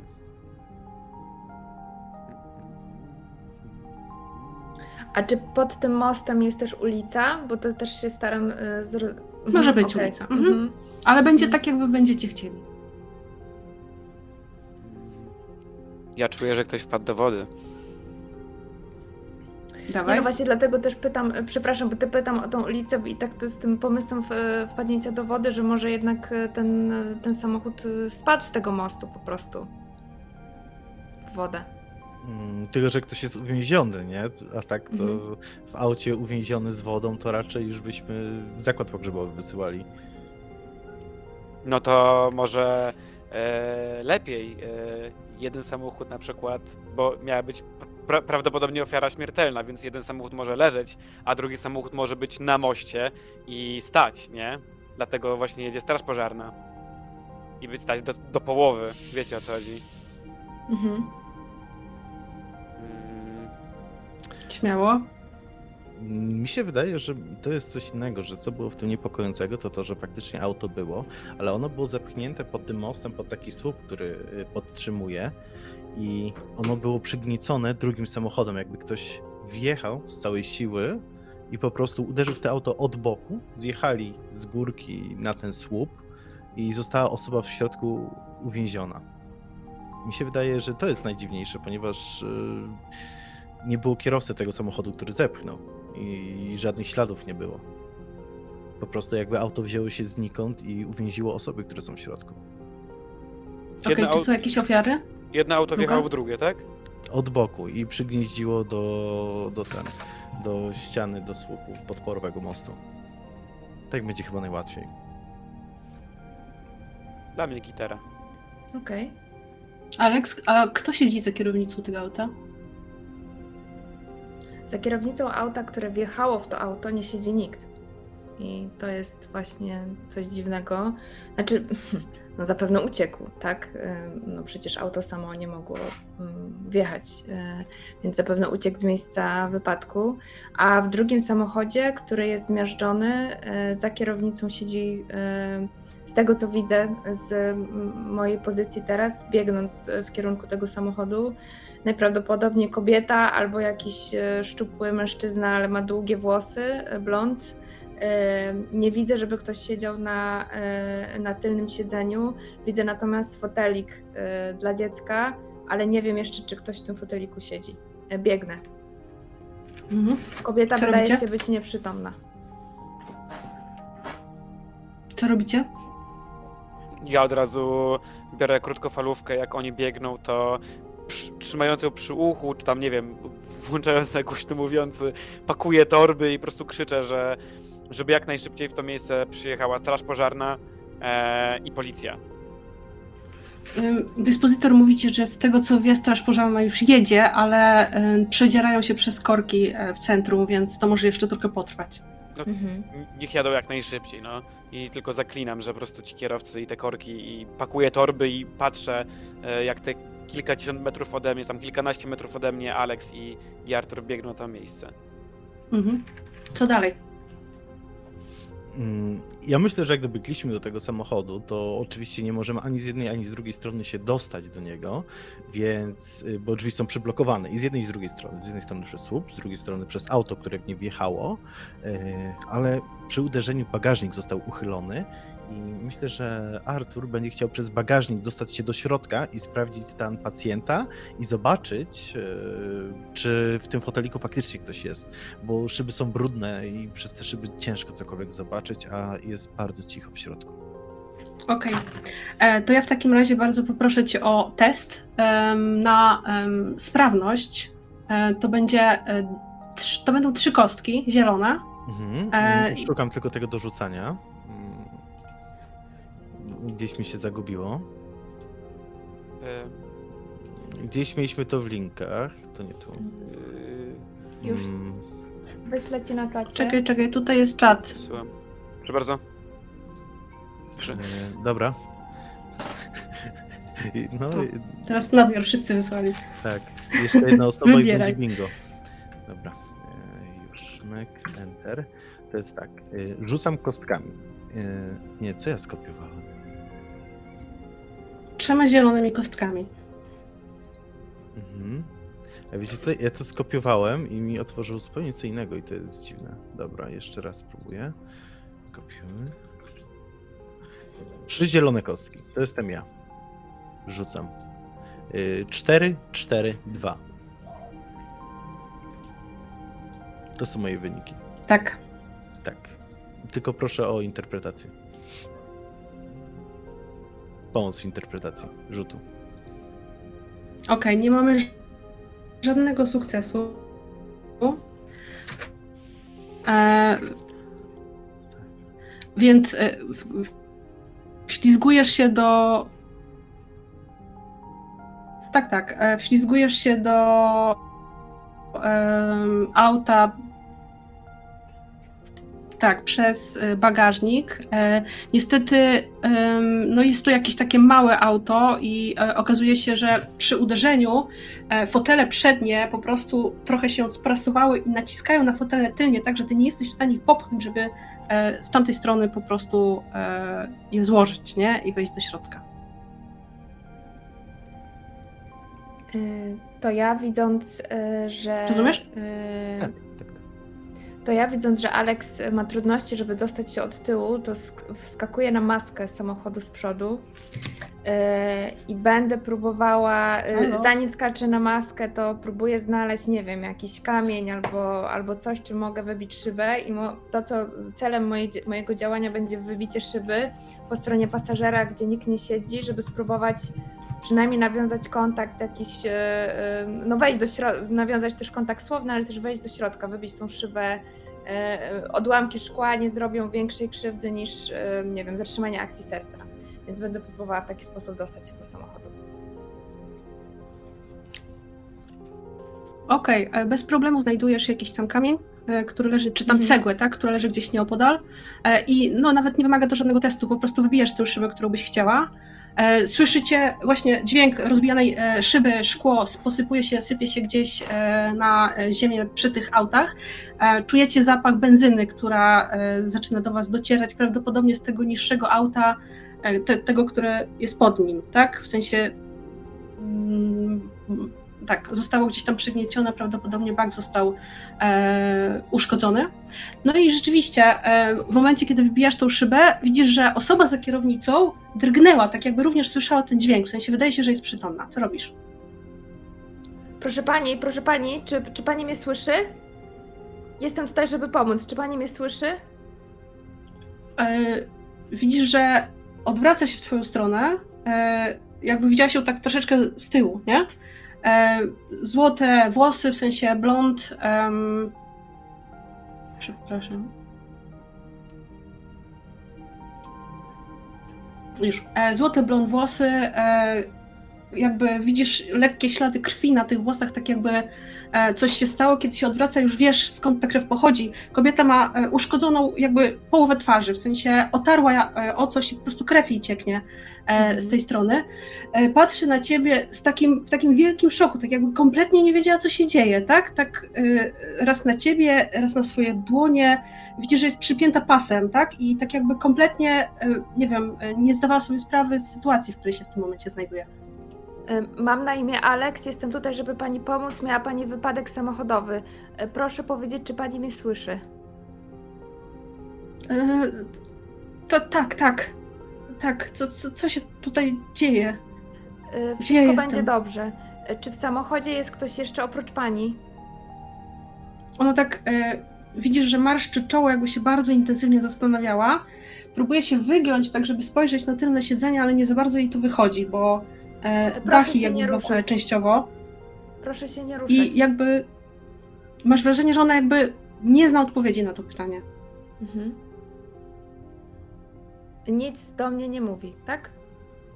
Nie. Nie, nie odpowiada. Patrzy na ciebie z takim, e, tak jakby nie wiedziała, co ci, co ci odpowiedzieć. Rozumie twoje pytanie, tylko nie wie, co na nie odpowiedzieć.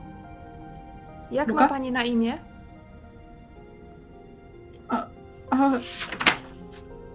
Anne-Marie.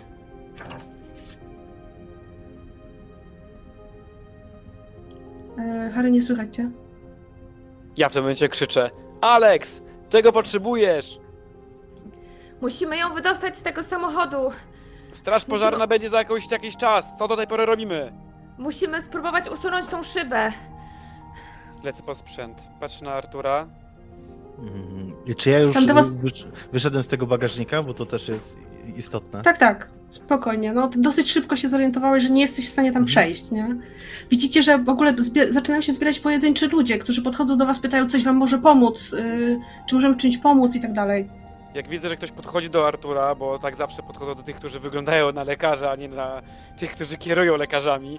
Jak tylko coś takiego się dzieje i widzę przez chwilę tę te, minę Artura, która jest zawsze, kiedy podchodzą do niego randomowi ludzie na ulicy w trakcie akcji, to po prostu automatycznie wbiegam między was, rozdzielam, jakby przejmuję od razu, żebyś ty, Artur, zajął się swoimi rzeczami, bo masz co robić. Mówię, od razu przyjmuję tych ludzi, mówię, spokojnie, wszystko jest pod kontrolą, proszę odejść na kilka albo kilkanaście metrów, a najlepiej w ogóle to do domu. I tak jakby odganiam ich całkowicie, żeby, żeby nie przeszkadzali nam przede wszystkim. Okej. Artur, proszę, mów do niej, ona jest w szoku. Y, Ja nie wiem już, co mam jej mówić, proszę mów do niej, a my będziemy próbowali ją wydostać.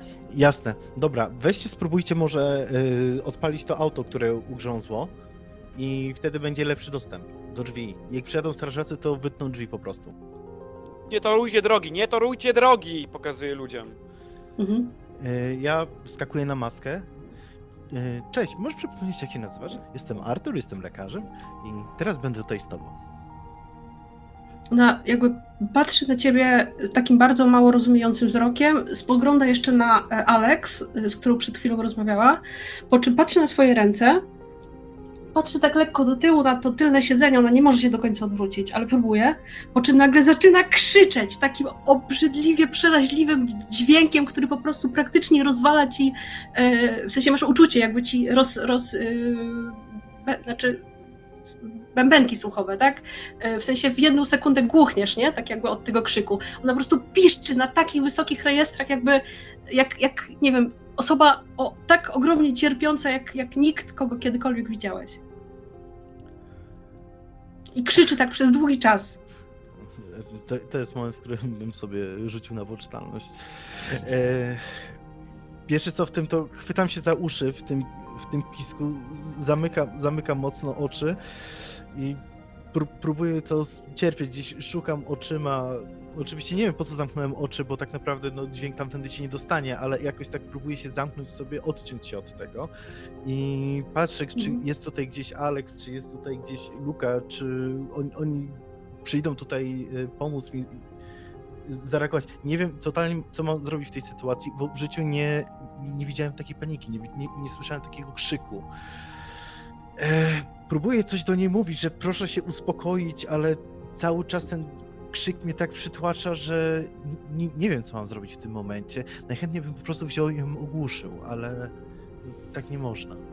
No, nie możesz, poza tym nie możesz jej teraz dosięgnąć, nie? Ona jest w środku, ty jesteś na zewnątrz. Ale możemy spróbować wykonać test w takim razie. E, Jeżeli chciałbyś sobie rzucić na manipulację, w sensie tą taką lekarską, tak? Mhm. E, Będą to. W teorii masz 7 kostek na tym, ale ze względu na to, że jesteś w szoku, że ten krzyk cię troszeczkę e, sparaliżował i tak dalej, to poproszę o rzut sześcioma zielonymi kost- kostkami. Jasne.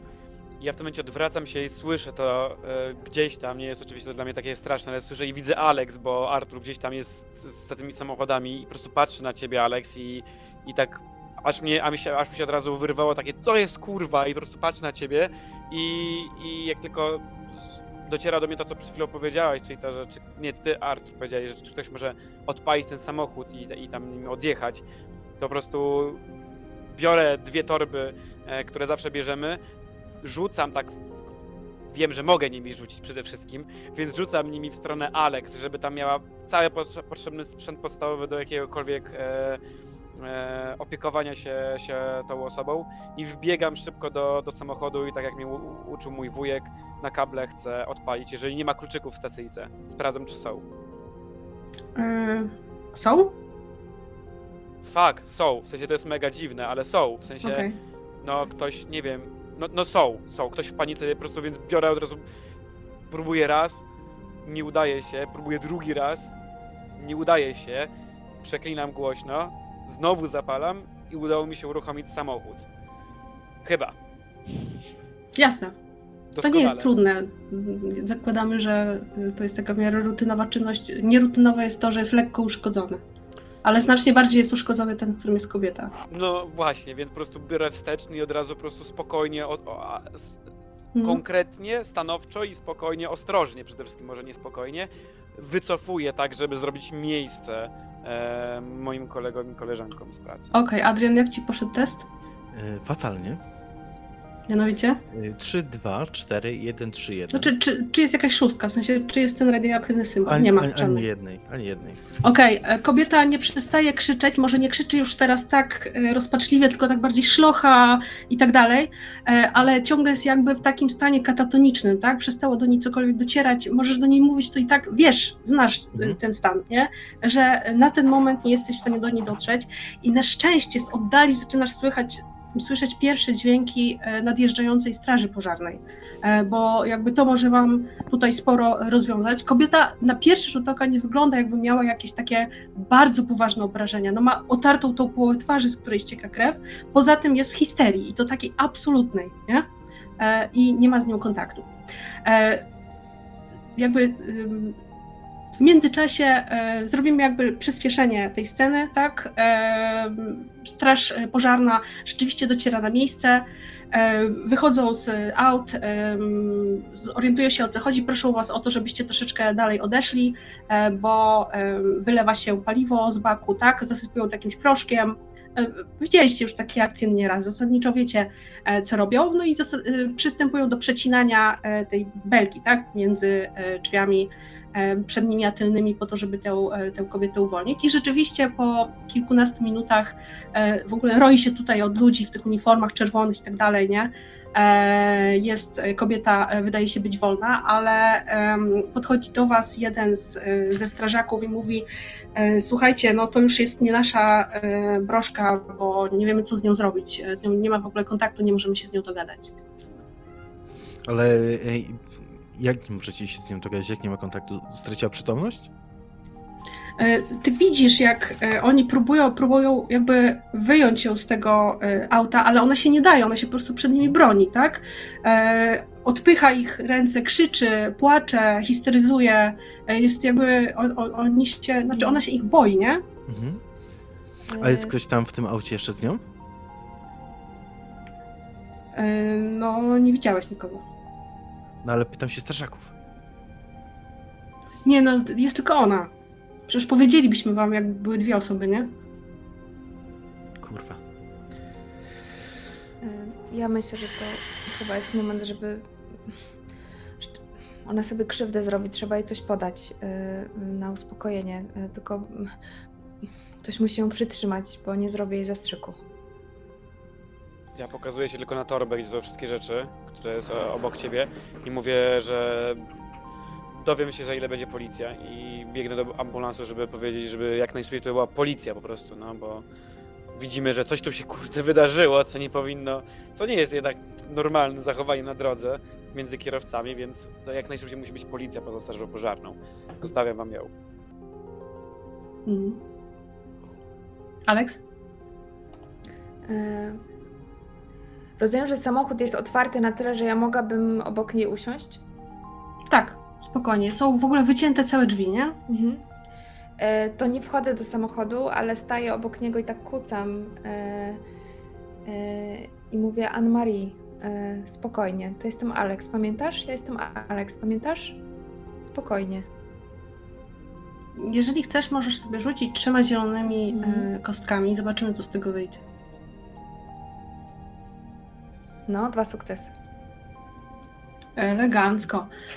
E, w takim razie jeden sukces jakby sprawia, że ona się uspokaja, w sensie widzisz, że skupia na tobie wzrok, tak? Pomimo, iż przed chwilą histeryzowała, krzyczała tak jakby przed siebie, nagle zauważyła cię w tym wszystkim i zaczęła tylko tak ciężko szlochać, ale już jakby nie krzyczy. I teraz za drugi sukces e, możesz na przykład zadać jej jakieś pytanie, albo możesz poprosić ją o coś i ona to zrobi. E, jakby możesz wygenerować w ten sposób jakąś akcję, po której oczekujesz od niej, nie? Mhm. Tylko musisz powiedzieć, czego oczekujesz. Anne-Marie, czy ty jesteś w stanie podejść do mnie i wysiąść z samochodu? Chciałabym cię opatrzyć. E, patrzę na ciebie i tak, tak, tak, tak, tak, tak, tak, tak, tak, tak. To chodź i tak podaję jej rękę. Mhm. E, I kobieta rzeczywiście chwyta cię za rękę, najpierw niepewnie, potem ściska cię mocniej.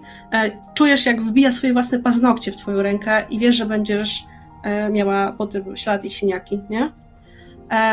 I daje się wyprowadzić ze środka.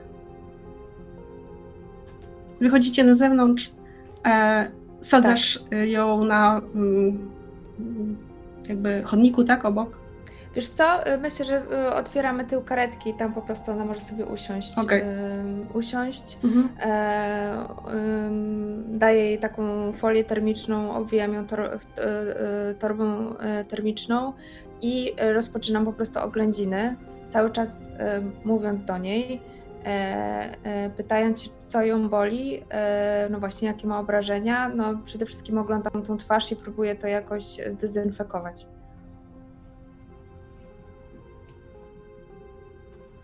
Mhm. Okej. Em, Anna Marie, co, co tu się stało? Jasne, to jakby bez problemu wszystko e, wykonujesz. Co w tym czasie robią panowie? Mm, To jeżeli I- już... E, z, I właśnie, oj, e, mamy chyba laga? Alex, co odpowiedziała Anne-Marie?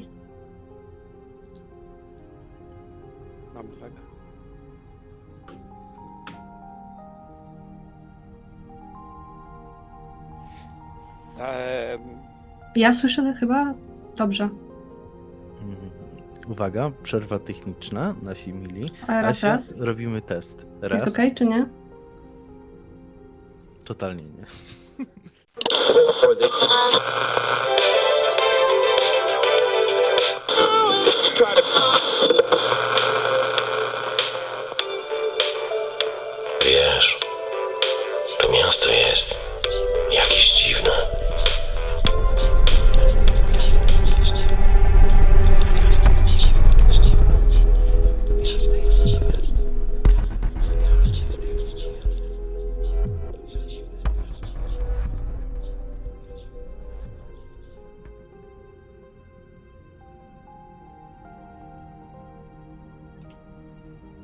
I dźwięk.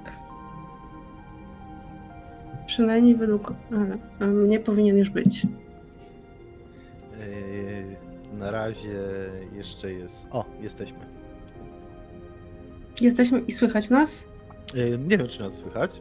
E, Czacie, jak nas słychać? Dajcie jakiś hałas. to my musimy Tak, hałas znowu mamy problem techniczny i musicie nam pomóc go tutaj rozstrzygnąć, czy już nam się udało go rozwiązać, czy nie. Jest git. Jest git, dzięki Dzie- Jawi. Wiedziałam, że można na ciebie liczyć. Dosko. Dobra, słuchajcie.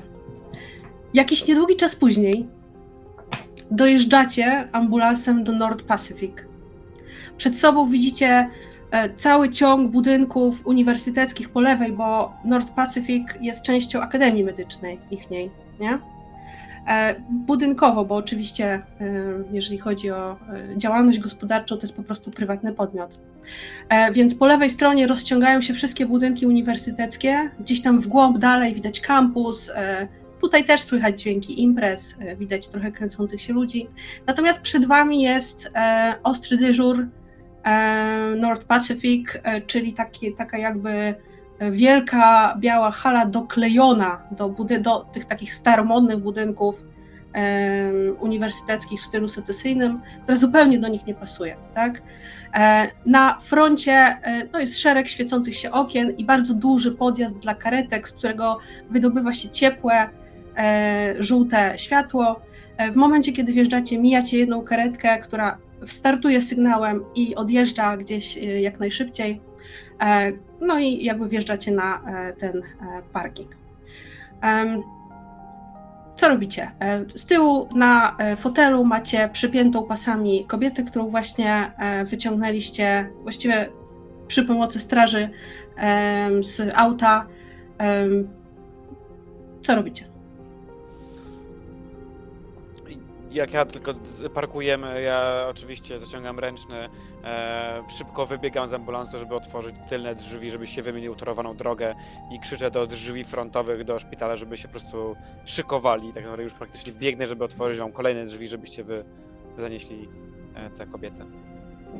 Okej, e, to co pierwsze się wam rzuca w oczy, jak tylko wychodzicie z e, karetki, z ambulansu, to to, że jest jakiś taki mega chaos na miejscu, w sensie taki lekko nadzwyczajny, nie? Takie Devil's Night troszeczkę, na zasadzie chaos, bieganina, e, podjeżdżają kolejne karetki, wynoszą ludzi, tutaj ktoś z jakąś zakrwawioną ręką w ogóle obandażowaną, e, tutaj e, jakieś przepychają się między wami z postrzałem, z postrzałem, tak? Więc jakby mają priorytet, bo jest bezpośrednie zagrożenie życia, nie?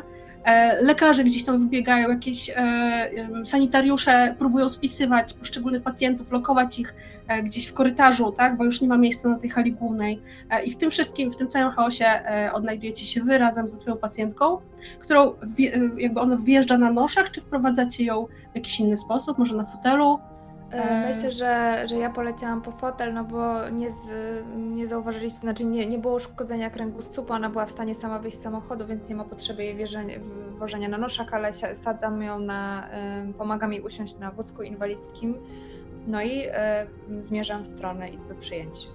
Okej. E, przez chwilę musicie czekać jakby ze swoją pacjentką w kolejce, bo już przed wami ktoś jest, e, już jest rejestrowany i tak dalej, ale w pewnym momencie e, dostrzegacie wychodzącego z takiej bocznej sali, gdzie są jakby takie przedwstępne badania, nie? taki triaż, gdzie na początku jest, są osoby kwalifikowane do poszczególnych jakby oddziałów, czy lekarzy, czy jakby działań.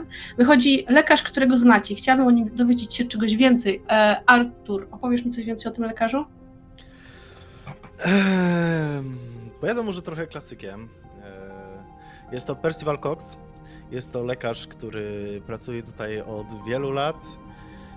Dobrze zbudowany, bo po prostu w wolnych chwilach chodzi na siłownię.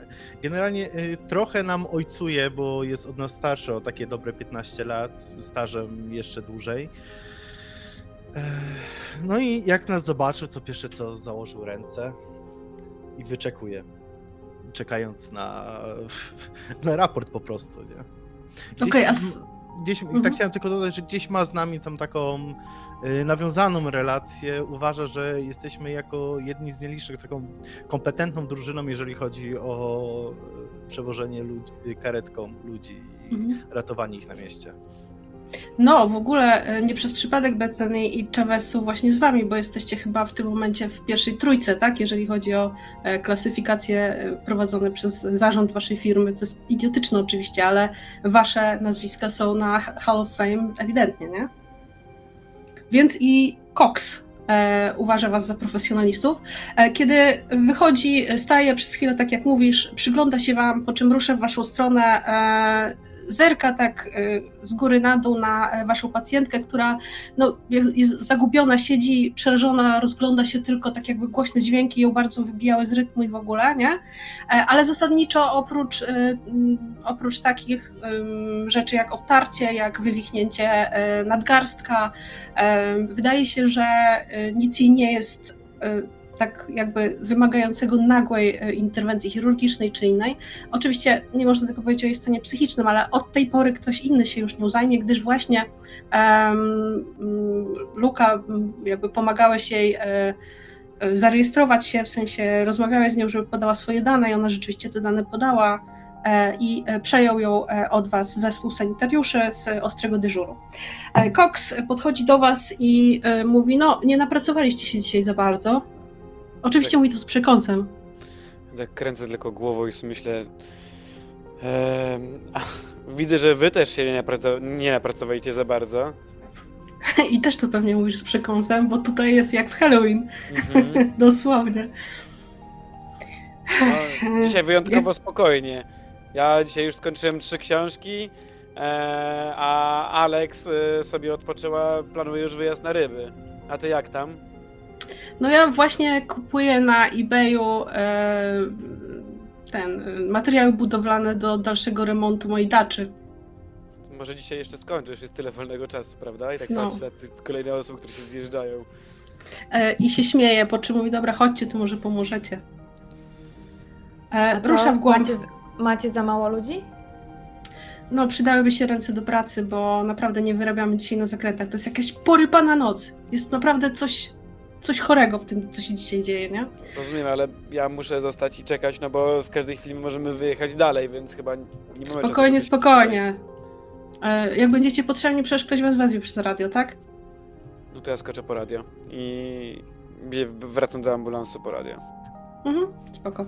Tymczasem Cox e, wychodzi z tej głównej hali przyjęć, tak, z tego jakby e, tam, gdzie jest rejestracja i tak dalej, e, i idzie dalej korytarzem, odbijacie się kartami na takim Pikachu, który otwiera wam drzwi, po czym wchodzicie do długiego korytarza, to jest w ogóle dosyć duży oddział, trzypoziomowy, ostry dyżur jest na dole, na wyższych poziomach jest na przykład oddział intensywnej opieki medycznej, inne te takie interwencyjne albo chirurgiczne oddziały, w których już jakby robi się konkretne zabiegi, tak? E, na, e, na ostrym dyżurze przyjmuje się ludzi, diagnozuje się ich i kieruje się ich dalej, nie? E, no i idzie jakby tym korytarzem w głąb, widzicie, że ludzie leżą praktycznie na korytarzu, nie? Po prostu wy, wylewają się z tych sal, jest za mało miejsc, niektórzy są po prostu posadzeni na jakichś wózkach, mają jakieś popodłączane kroplówki, mają popodłączane jakieś urządzenia do badania akcji serca, do monitorowania jakby ich czynności życiowych, nie?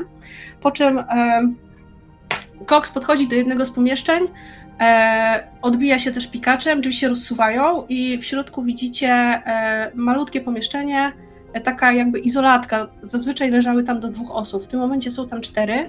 E, wydaje się, że to czteroosobowa rodzina, dwójka dzieci i dwójka dorosłych ludzi. E, I e, Cox mówi, jeszcze nie wiemy co im jest, ale wygląda na to, że rodzice otruli siebie i dzieci. Możecie się nimi trochę zająć? Patrzę na Artura od razu z takim what the fuck?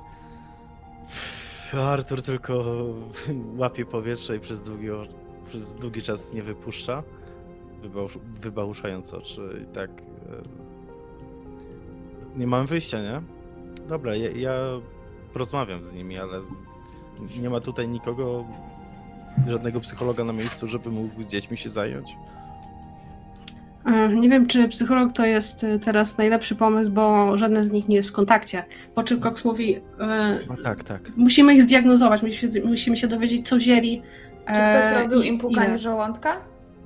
E, Jakby jeszcze do tego dojdziemy, bo jakby nie wiemy, czy to jest e, wzięte do ustnie, wziewnie i tak dalej. E, Więc e, jak się czegoś dowiecie, dajcie znać. Jestem tam i pokazuję na główną halę ostrego dyżuru, po czym zostawiam was tam, a was chciałabym poprosić o to, żebyście mi opisali, jak to wygląda, co się tam dzieje, tak? Z tymi ludźmi, jak oni wyglądają, e, z czym to wszystko się wiąże. Ja tu jestem, e, nie jestem lekarzem, więc tak naprawdę e, jestem tą osobą, która zaraz chwilę po coś skoczy pewnie i tak dalej, więc czekam w pozycji i jak patrzę na tę całą rodzinę, ile to jest osobowa rodzina, przypomnij? Cztery osoby. czteroosobowa rodzina i jak patrzę na nich, no wyglądają nietęgo, są nieprzytomni, z tego co pamiętam, tak?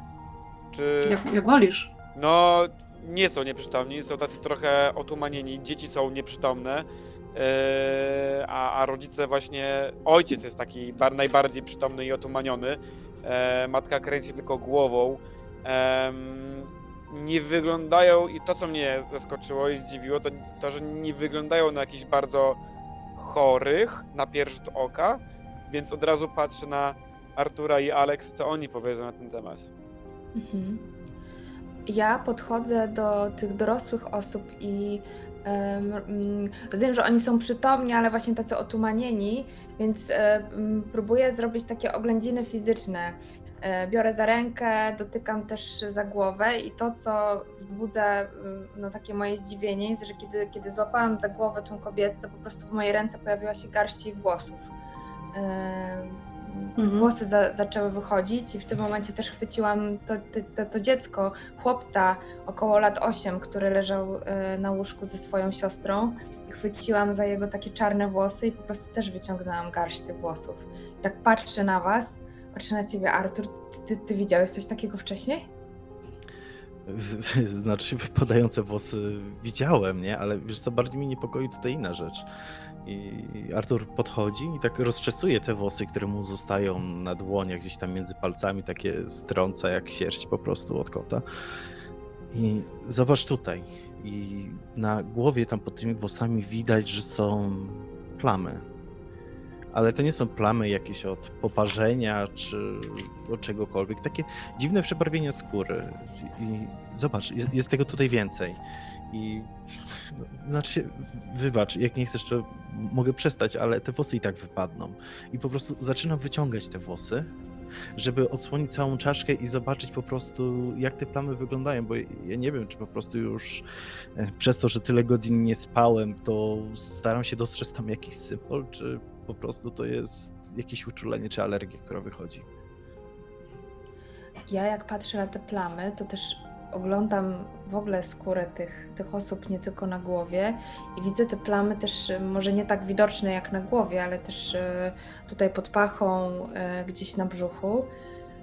I ja się nie zajmuję sekcjami zwłok, ale jednak Ale to za szkoły- wcześnie jeszcze, poczekaj. Ze szkoły medycznej pamiętam, że tego typu plamy to są plamy, e, no, które powstają na ciele parę dni po śmierci.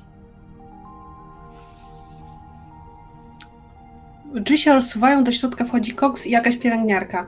E, pielęgniarka podchodzi do któregoś z dzieci, Cox e, wydaje jakieś polecenie, po czym e, patrzy na was tak wyczekująco, patrzy na wasze dłonie i na wy- wyspujące się z nich e, włosy, nie? Po czym, wiecie, otwiera coraz szerzej oczy i mówi wyjdźcie stąd natychmiast, nie? I to samo mówi do tej pielęgniarki, wychodzimy, nie? E, po czym praktycznie wypycha was ze środka, nie? Ale proszę pana, sięga- jak to wychodzimy? Jak to Co się wychodzimy? dzieje do cholery? W sensie wychodzę od razu posłusznie, ale tak. Nie, on po prostu oczekuje od was wszystkich, że wyjdzie w międzyczasie, łapie za telefon i mówi przyślijcie tu kogoś z, z czujnikiem radioaktywności. Fuck. Ucham? Mówię na głos. Ja te włosy tak Po czym- roluję wszystkie i tak zrzucam od razu na ziemię. To Nie? ja biegnę szybko po alkohol i od razu przychodzę, zarówno polewając ręce Arturowi, jak i Alex. Alkohol leć Mhm. po lit. To ci nie pomoże. Leć po lit. Powiedz mi, co mam robić, no! Leć po lit. Lecę. I popłynę E, gola przy okazji. Po Lecę, chwili lecę. pojawia się e, jakichś dwóch sanitariuszy, którzy jakby toczą po podłodze jakieś takie urządzenie, e, e, wiecie, z kółeczkami w ogóle. E, są mega zdziwieni, nie? W ogóle urządzenie wygląda jakby je właśnie odkurzyli po 10 latach nieużywania, nie? W sensie warstwa kurzu i w ogóle, nie? Cox mówi, dobra, słuchajcie, ubierzcie się, pokazuje im na takie wieszaki z jakimś tam takim, to nie jest zabezpieczenie radioaktywne, ale przynajmniej jakiekolwiek, nie? Po czym po prostu prosi ich, żeby weszli do środka e, i e, jeżeli to możliwe, zbadali e, tym czynnikiem radioaktywnym który, któryś z nich, nie? Wy zostajecie na korytarzu. Po dosłownie kilkunastu sekundach słyszycie to urządzenie, które w środku zaczęło po prostu wydawać z siebie jakiś taki głośny dźwięk, nie? Natychmiast znaleźli się na zewnątrz Cox e, jakby patrzy na te odczyty, w ogóle, wiecie, taki mega w szoku, e, rzuca do tej pielęgniarki, proszę zrobić listę osób, które miały z nimi kontakt, nie? E, Po czym w ogóle ignorując was, e, rzuca się z powrotem gdzieś w stronę ostrego dyżuru, nie? I zaczyna tam jakby wydawać polecenia na zasadzie, którym ambulancją oni przyjechali, kto z nimi jechał i w ogóle znika wam z widoku, nie? Kompletnie jakby was ignorują. Co robicie? Ja, ja wracam w tym momencie tym, co, co, o co Artur mi poprosił. Od razu wręczam wam, czy to wpłynie jest, czy coś tam, to ja się na tym nie znam, więc no, daję wam. W czymkolwiek, w czymkolwiek to było, Płynie. bierzemy, bie- bierzemy Było. podwójną dawkę jak, jak leci, nie? Okej. E, Ja też. Mija, mija dosłownie chwila. E, widzicie jeszcze e, tych sanitariuszy, którzy tam wchodzili. E, w ogóle toczy się jakaś mega głośna dyskusja na ostrym dyżurze. Kłócą się z koksem, nie? Co mają robić w ogóle. Wychodzi jeszcze jakiś inny lekarz. E, wiecie, słyszycie, że ktoś dzwoni do kogoś jakby w hierarchii wyżej, do ordynatora oddziału. No i zasadniczo wszyscy was ignorują, tak? Robi się kocioł z zupełnie innego powodu. W pewnym momencie kiedy jesteście tak troszeczkę z boku albo chcecie przejść do swojego ambulansu, wypada Cox z jednej z sal, po czym e, po, rzuca wam na, e, przed was, właśnie podaje, wciska wam do ręki e, kwity e, i mówi, e, słuchajcie, e, weźcie, e, zawiadomcie kogoś z policji, weźcie kogoś z policji, pojedźcie pod ten adres, e, bo e, to, to oni e, ich tam znaleźli, więc e, musimy e, zidentyfikować, czy ktoś jeszcze e, mógł mieć kontakt z materiałami radioaktywnymi. Niech policja zabezpieczy ten teren, ok? No Zrobicie to dla nas- mnie, bo dla ciebie, daj nam cokolwiek, czy możemy się zabezpieczyć. Ja nie wyślę ich i pokazuję na Alex i Artura w miejsce, które może być potencjalnie dla nich niebezpieczne. Ale wy nie wchódźcie do środka, tylko zobaczcie, co to jest za budynek. Ja nie wiem nawet, co to jest za budynek. Czy tam mieszkają jacyś inni ludzie, cokolwiek, okej?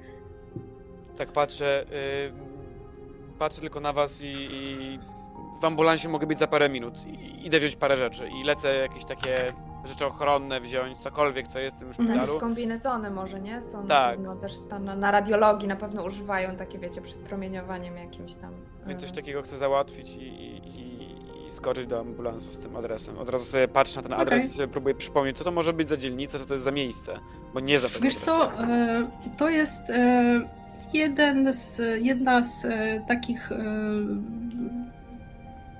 jakby części dzielnicy Bradmore, to mniej więcej, znaczy jakieś e, w prostej linii 3-4 km od miejsca, z którego zabraliście tą kobietę. e, Okej. ostatnim razem, czyli już ta przemysłowa dzielnica, nie? E, Ale tak bardziej na pograniczu już dzielnic mieszkalnych.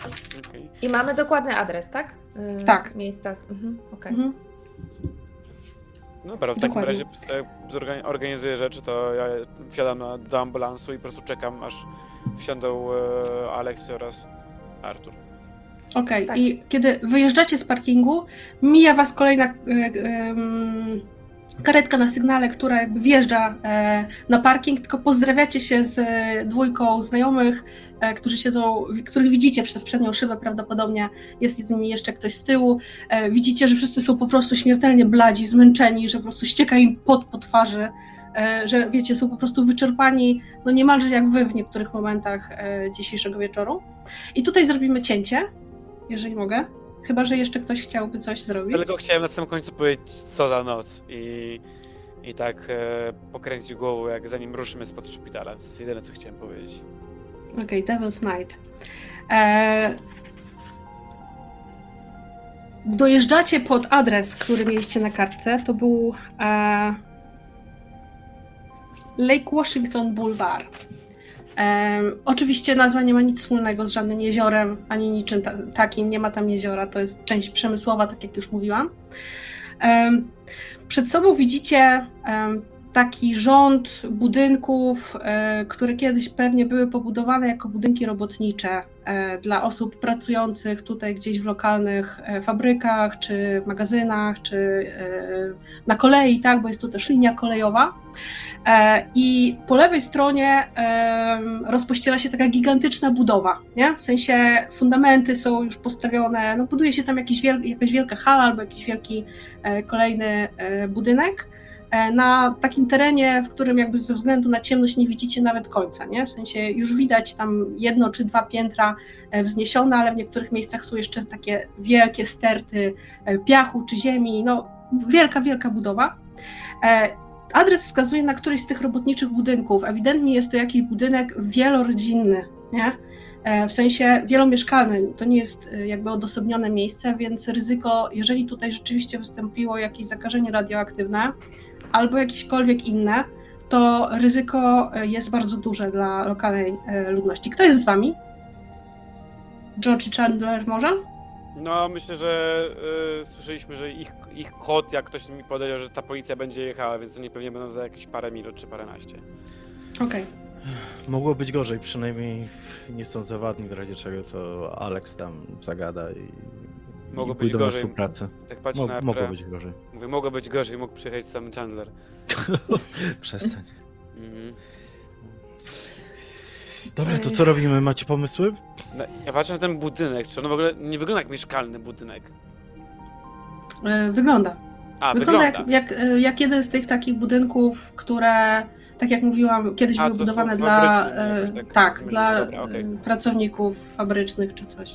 Ja patrzę na ten adres i tak sobie patrzę na numer, nie wiem, mieszkania, piętra, cokolwiek i próbuję zobaczyć, jak to wygląda. Czy to jest turbo bieda, ten budynek konkretny, czy może jednak nie, czy światło się pali, jeżeli mogę określić, który to jest pokój. W ogóle, nie wiem, otwieram okna, czuję zapach, próbuję się zorientować. Patrzę też na Alex i na, na Artura i myślę, promieniowanie? W sensie tak po prostu rzucam w przestrzeń, tak nawet nie wiedząc od czego zacząć. Nie no, Mhm. Dla mnie, no rozumiem, że jedyne co mamy to ten adres, ale to jest trochę jak igłą w stogu siana. Przecież oni mogli mm, zostać napromieniowani w pracy. Może to któryś z tych magazynów, niekoniecznie to mieszkanie, no ale No ale słyszałeś Coxa, on wyjebał nas z tamtej sali tak no, super szybko, a to pikało jak no... Oni mogli być napromieniowani gdzieś w pracy, no ale przecież... No nie wiem, to jest chora sytuacja, no promieniowanie tutaj? Dobra, chyba nie mamy wyjścia, tego musimy przeprowadzić wywiad. Ale wywiad jak, z kim? No Z pójdź budynkiem? zapukać. Chcesz tam wejść? No, a widzisz inne opcje, jak się dowiemy? Jeżeli tam są inni ludzie, jeżeli faktycznie tam jest coś, co promieniuje, no to y, halo, zaraz będziemy mieć y, całą izolatkę, tak? Zapchaną. Lu- Ludźmi, Wychodzę- którzy są świecący w ciemnościach. wychodzę z, z jakby z samochodu, z miejsca kierowcy, od razu otwieram tylne drzwi, e, tak przez które wy normalnie wychodzicie, wchodzę tam do was i zaczynam grzebać w torbach, które zabrałem. Czy pamiętałem, żeby to wziąć ze szpitala, albo przynajmniej znaleźć coś takiego, ale totalnie nie pamiętam, czy to wziąłem. Czy wziąłem cokolwiek, co mi powie, czy coś jest na promieniowanie, w sensie jakiś, nie wiem, licznik Gegela Mirela z tych czasów, który mam podręczny. E, no tak, tak. Ze względu na to, że wiedzieliście w jakim celu jedziecie, to jak najbardziej mogliście jedno z tych takich podręcznych urządzeń ze szpitala wziąć. No. Wyciągam to, włączam Mhm. i tak po prostu na razie włączam i wystawiam na zewnątrz, bo drzwi, te tylne drzwi są otwarte i chcę po prostu zobaczyć, czy, czy to jest jakaś... Widzi, że może trochę za bardzo panikuję w tej sytuacji, no ale jednak, Mhm. no. Okej. E, Podchodzisz do budynku z tym licznikiem, tak? W ogóle nie wskazuje nic. na razie- Aha, Na razie wystawiam przez, za, za samochód. okej. Jest totalne zero, czujnik nawet nie drżnie, nic się tutaj jakby, nic tu nie promieniuje, nie? W tym miejscu. Tak I jak przesuwasz się bardziej w kierunku budynków, to również e, jest zero. tak patrzę na was, mówię, tego się obawiałem. Czyli musimy tam wejść.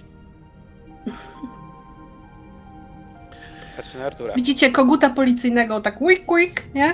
Tam e, mruga e, zajeżdżający radiowóz. E, ze środka na, tak na, na luzaku w miarę wychodzi e, e, George i Chandler.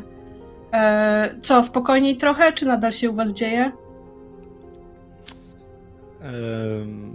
A jak, jak myślisz? Co możemy robić na środku niczego przy budynku mieszkalnym z licznikiem Geigera w ręce? Przecież Lake Washington Boulevard słynie z rozrywkowej dzielnicy, prawda? Patrzę na niego ironicznie, mówiąc. Chandler tak patrzy na, na was, patrzy na ten e, licznik. What? No właśnie, what? On jest za młody. Mimo, że jest tylko troszeczkę młodszy ode mnie pewnie. Tak minimalnie, tak jak patrzę na niego i mówię. Słuchajcie, sz, sz, szkoda czasu. Mamy pacjentów napromieniowanych ym, jakimś radioaktywnym shitem. E, Przyjechali stąd, musimy to sprawdzić. Dobra. E, shit. Tak. Nie mamy się nawet, nie mamy żadnych nawet, wiecie, takich zabezpieczających ubrań ani niczego, no. Znaczy się, no To generalnie... wyjdziecie piersi z tym zegarełkiem. No tak, idziemy pierwsi, ale generalnie, no wiecie, to nie jest zona, to nie jest Prypeć i jak zacznie pikać i nie będziemy dotykać metalowych rzeczy, cokolwiek, to nam się nic nie stanie, tak? No, nie przesadzajmy też. Już, Wyciągam. już, No już bardziej są, tak tylko dodam, że już bardziej są ludzie na rajdologii na, narażeni. Ja, jak tam codziennie pracują z tym. Wyciągam, e, wyciągam e, kostiumy, te, które zebrałem w liczbie czterech sztuk, jedną zapasową. Nie wiedziałem ile będzie policji, więc e, rozdaję Alex, e, Arturowi i tylko patrzę na was i mówię, mam tu czekać w karetce czy iść z wami? Y, Chodź z nami, a może Chandler niech tu się porozgląda mm, na zewnątrz. To rzucam ten e, czwarty strój e, temu e, George'owi. George'owi Flintowi. Mhm. Dobra. E, ubieracie się e, i e, idziecie w stronę budynku, cały czas z wyciągniętym licznikiem. Licznik cały czas wskazuje zero. E, nawet nie drgnie, nie? E, to jest stary, odrapany budynek, taki pokryty graffiti, taki gdzie niegdzie odłupany na fundamencie. E, widać e, parapety, które są zaniedbane, grzyb peł- pełgający do góry po ścianach. Na parterze w prawie wszystkich oknach są takie stare, skorodowane kraty, bo kiedyś ktoś się bał tego, że ktoś będzie się tam włamywał. I teraz nikt by już tego nie zrobił, nie? A Klatka schodowa ma wybitą szybę w drzwiach. e, Ten daszek e, nad klatką e, jest jakby częściowo pęknięty. No, rudera prawie, że nie? Mhm. Ale w niektórych oknach świeci, świeci się światło. Ktoś tu jeszcze mieszka. Mm, ja bym- Luka, pod którym numerem, skąd ich wzięli? Z jest numeru? e, ta klatka chyba. I no nie wiem, 17. Więc może tak patrzę na liczę budynki, znaczy liczę piętra. Nie wiem, może to jest drugie piętro? Trzecie? No to jest trochę napchane. No to, no to co, idziemy już od razu na te drugie, trzecie piętro, szukamy siedemnastki i pukamy po sąsiadach, szybki Nie. wywiadzik, czy nie wiem, Tak, będziemy a tutaj mo- chodzić i szukać skąd pika. Może Ja też drzwi do ich mieszkania są otwarte, kiedy zabierali ich do szpitala. Może My, może, my możemy wejść tam, a George może po, popytać okolice. No on myślę, że ratowników medycznych to nie będą tak chętnie do odpowiedzi, jak policja przyjdzie. Chociaż znając Lake Washington Boulevard, to nie wiadomo. Tak patrzę. George, yy, ogarniesz temat? My zajmujemy się No i- tym miejscem faktycznym. Yy, po jasne, prostu- jasne. Idźcie, tylko uważajcie na siebie. Jak zawsze. Tak Po patrzę. czym, mów. po czym George e, jakby e, pod, podnosi swoją krótkofalówkę jeszcze, nie? E, I pyta, e, słyszycie jak odchodzicie, nie? Że pyta, czy jest możliwe wsparcie, ale dostaje odpowiedź, nie, sorry, wszyscy są załadowani na maksa. E, więc rozdzielacie się, będziecie musieli zrobić to sami. Na ten moment. Wchodzimy na, po schodach. Mhm. Schody zaniedbane, tak jak mówiłam, jest taki sam syf jak na zewnątrz, więc jakby nie będę tutaj szczegółowo wam e, go przedstawiać. E, Kiedy mijacie pierwsze piętro i zaczynacie wchodzić na drugie, rzeczywiście e, numer, o którym powiedziałeś, to będzie drugie piętro już teraz po w środku, to słyszycie, że uchylają się drzwi na tym pierwszym piętrze, które właśnie minęliście. Ktoś za drzwi związanych od środka łańcuchem zagląda e, w waszym kierunku. E, Z, jakby w drzwiach jest ciemno, widzicie tylko taki pukiel siwych włosów. Patrzę na was. Na Artura i Alex. Co, ja pukam, ty mówisz, Alex? Y, Wybacz, ale po prostu ja, ja już mam dość dzisiejszej nocy. Y, jasne, tylko tu chyba nie trzeba pukać. Y, dobry wieczór, proszę pani. Proszę pana. Y, I tak. A czego tu szukają? Odzywa się taki kobiecy głos, jakby jakiejś starszej osoby. Tylko to jest siedemnastka, czy to jest jakieś inne... inne... Pierwsze Nie, to jest piętro. pierwsze A, okej, piętro. Dobra, git, git. Y, ci sąsiedzi, których dzisiaj zabrało pogotowie, to nad panią mieszkają? A czego tam chcą wiedzieć?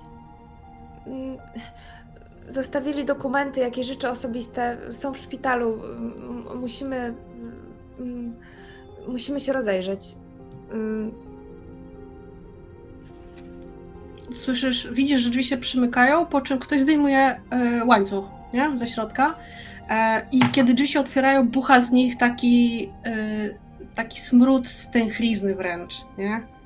E, takiego brudu, dawno niemytego ciała, e, moczu i tak dalej. Nie? Bardzo nieprzyjemny, m, wręcz taki dławiący e, smród. W środku jest ciemno, ale jakby z tego światła żarówki przy drzwiach, tam gdzie jesteście na piętrze, widzisz Alex starszą kobietę, ale taką no, bardzo wiekową, już pewnie koło osiemdziesiątki, w długiej e, takiej podomce niebieskiej, w e, czarne grochy, e, ma siwe, e, rozpuszczone, zaniedbane włosy, takie dosyć przerzedzone w wielu miejscach.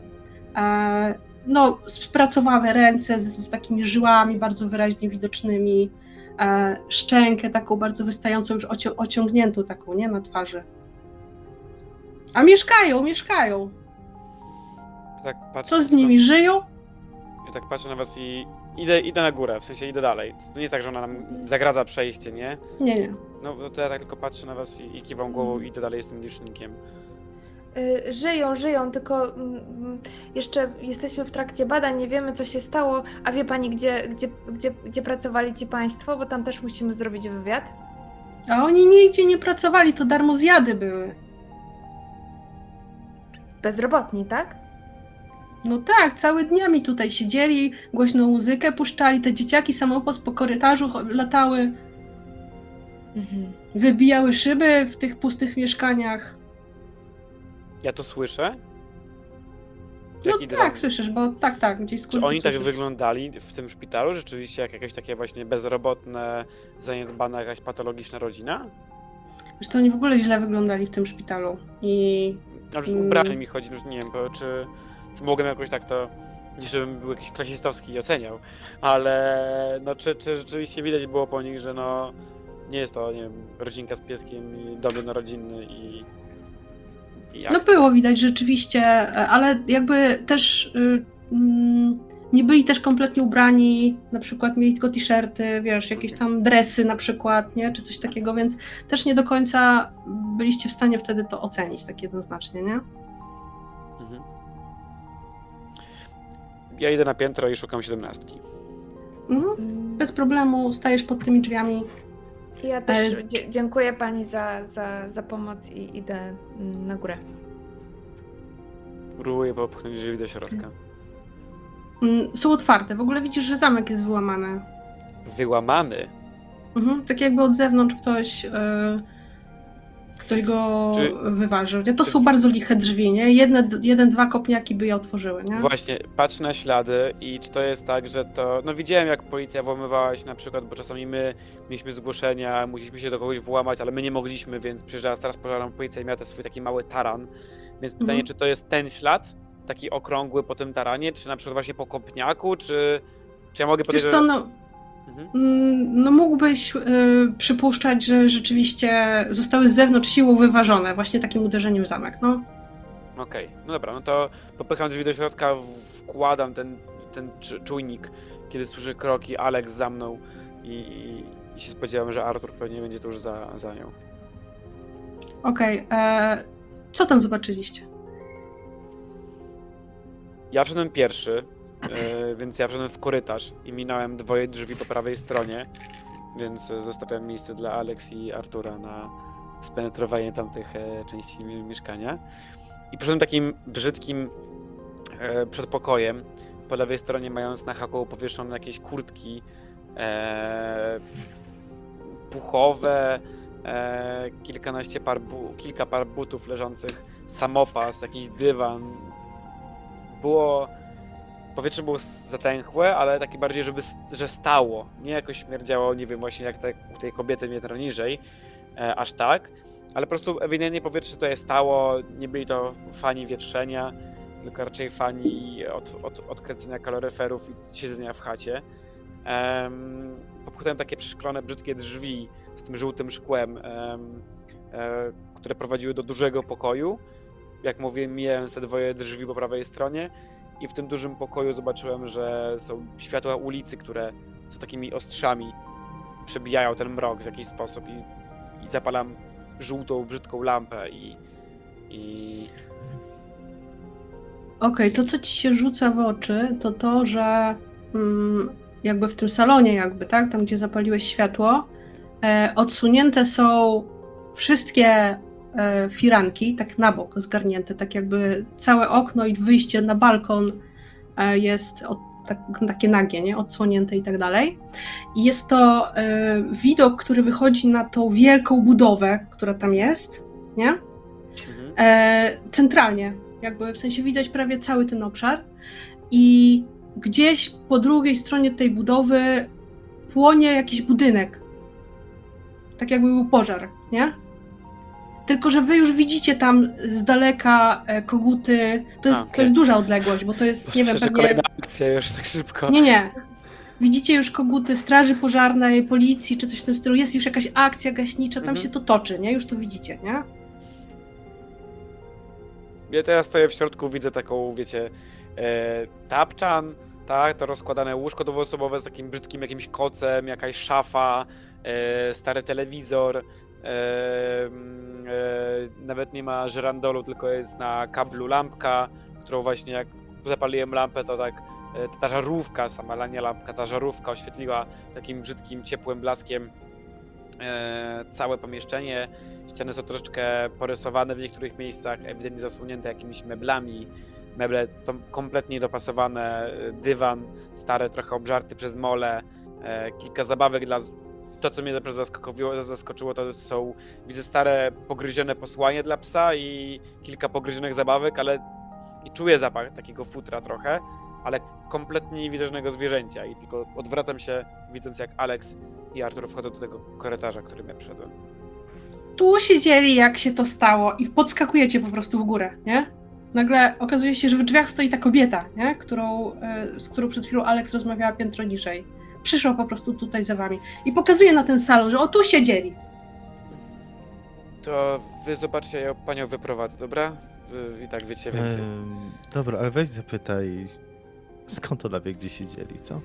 No, zapytam, mam, mam, mam dużo pytań do niej. I daję ci ten licznik i... Mhm. i, i Licznik jakby- ani drgnie, nie? Zero cały czas. I mówię tylko uważajcie na psa, tak zadając pytanie i wychodzę mówiąc, proszę pani, to chwilę porozmawiajmy, dobrze? I wychodzę, zamykam sobie drzwi, żeby nie zaglądała wam i daję wam spokój. Mhm. Aleks, Ja- Artur? Ja pierwsze co jak e, Luka nas opuści, tak trzymam ten licznik i patrzę na Alex i mówię Pamiętasz naszą rozmowę w karetce? Miałem ci powiedzieć, jak się będę gorzej czuł i wiesz co? Tu jest kurwa podobnie jak w tym domu. Czyli?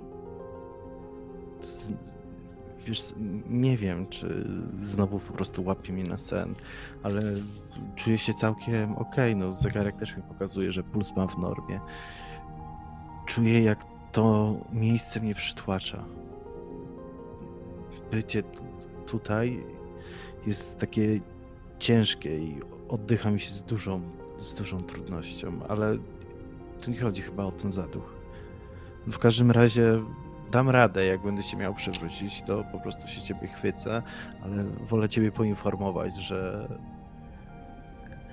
Artur, w każdym, każdej innej nocy powiedziałabym ci wracaj do domu, ale teraz ja nie, Nie- poradzę sobie z tym sama. nie, nie, nie, Aleks, przestań, nie, nie ma opcji, żebym wracał do domu. Po prostu, wiesz, było ok, ale nie wiem, nie, nieważne, chodź, chodźmy, ja po prostu będę z tyłu stał.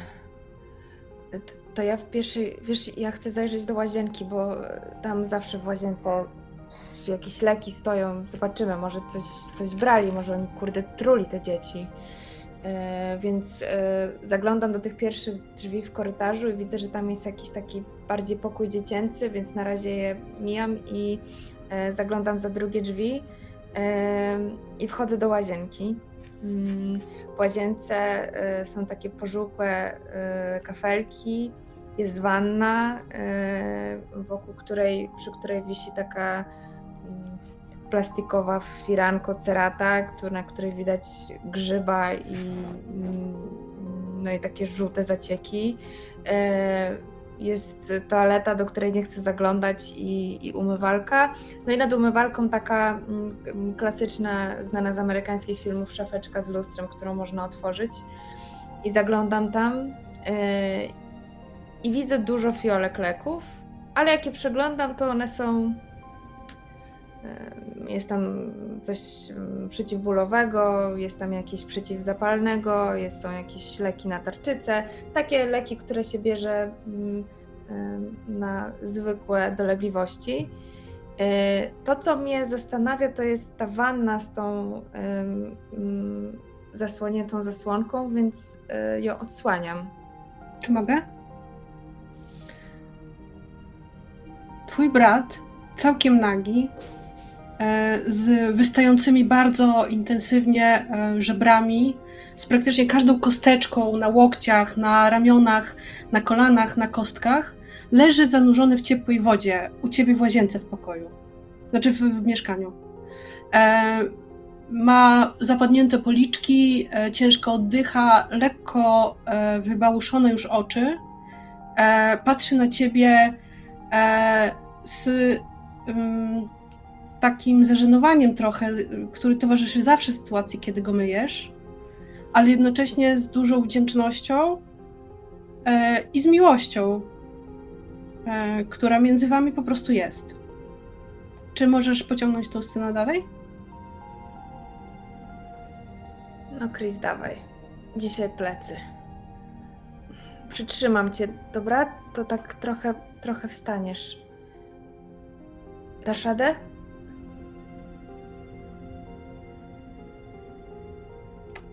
Okej. e, W wannie jest pusto. Jest brudna, e, jest tam, są tam kłaki e, jakiegoś zwierzęcia, e, ale zasadniczo e, nic tam nie ma. E, Chwytam Alex oczywiście za ramię i tak. Alex? Alex? Jesteś?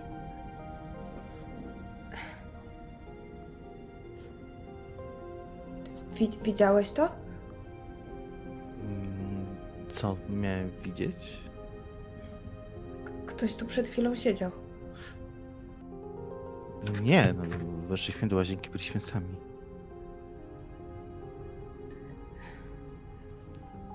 To, to, to nieważne. Y, widzisz coś ciekawego?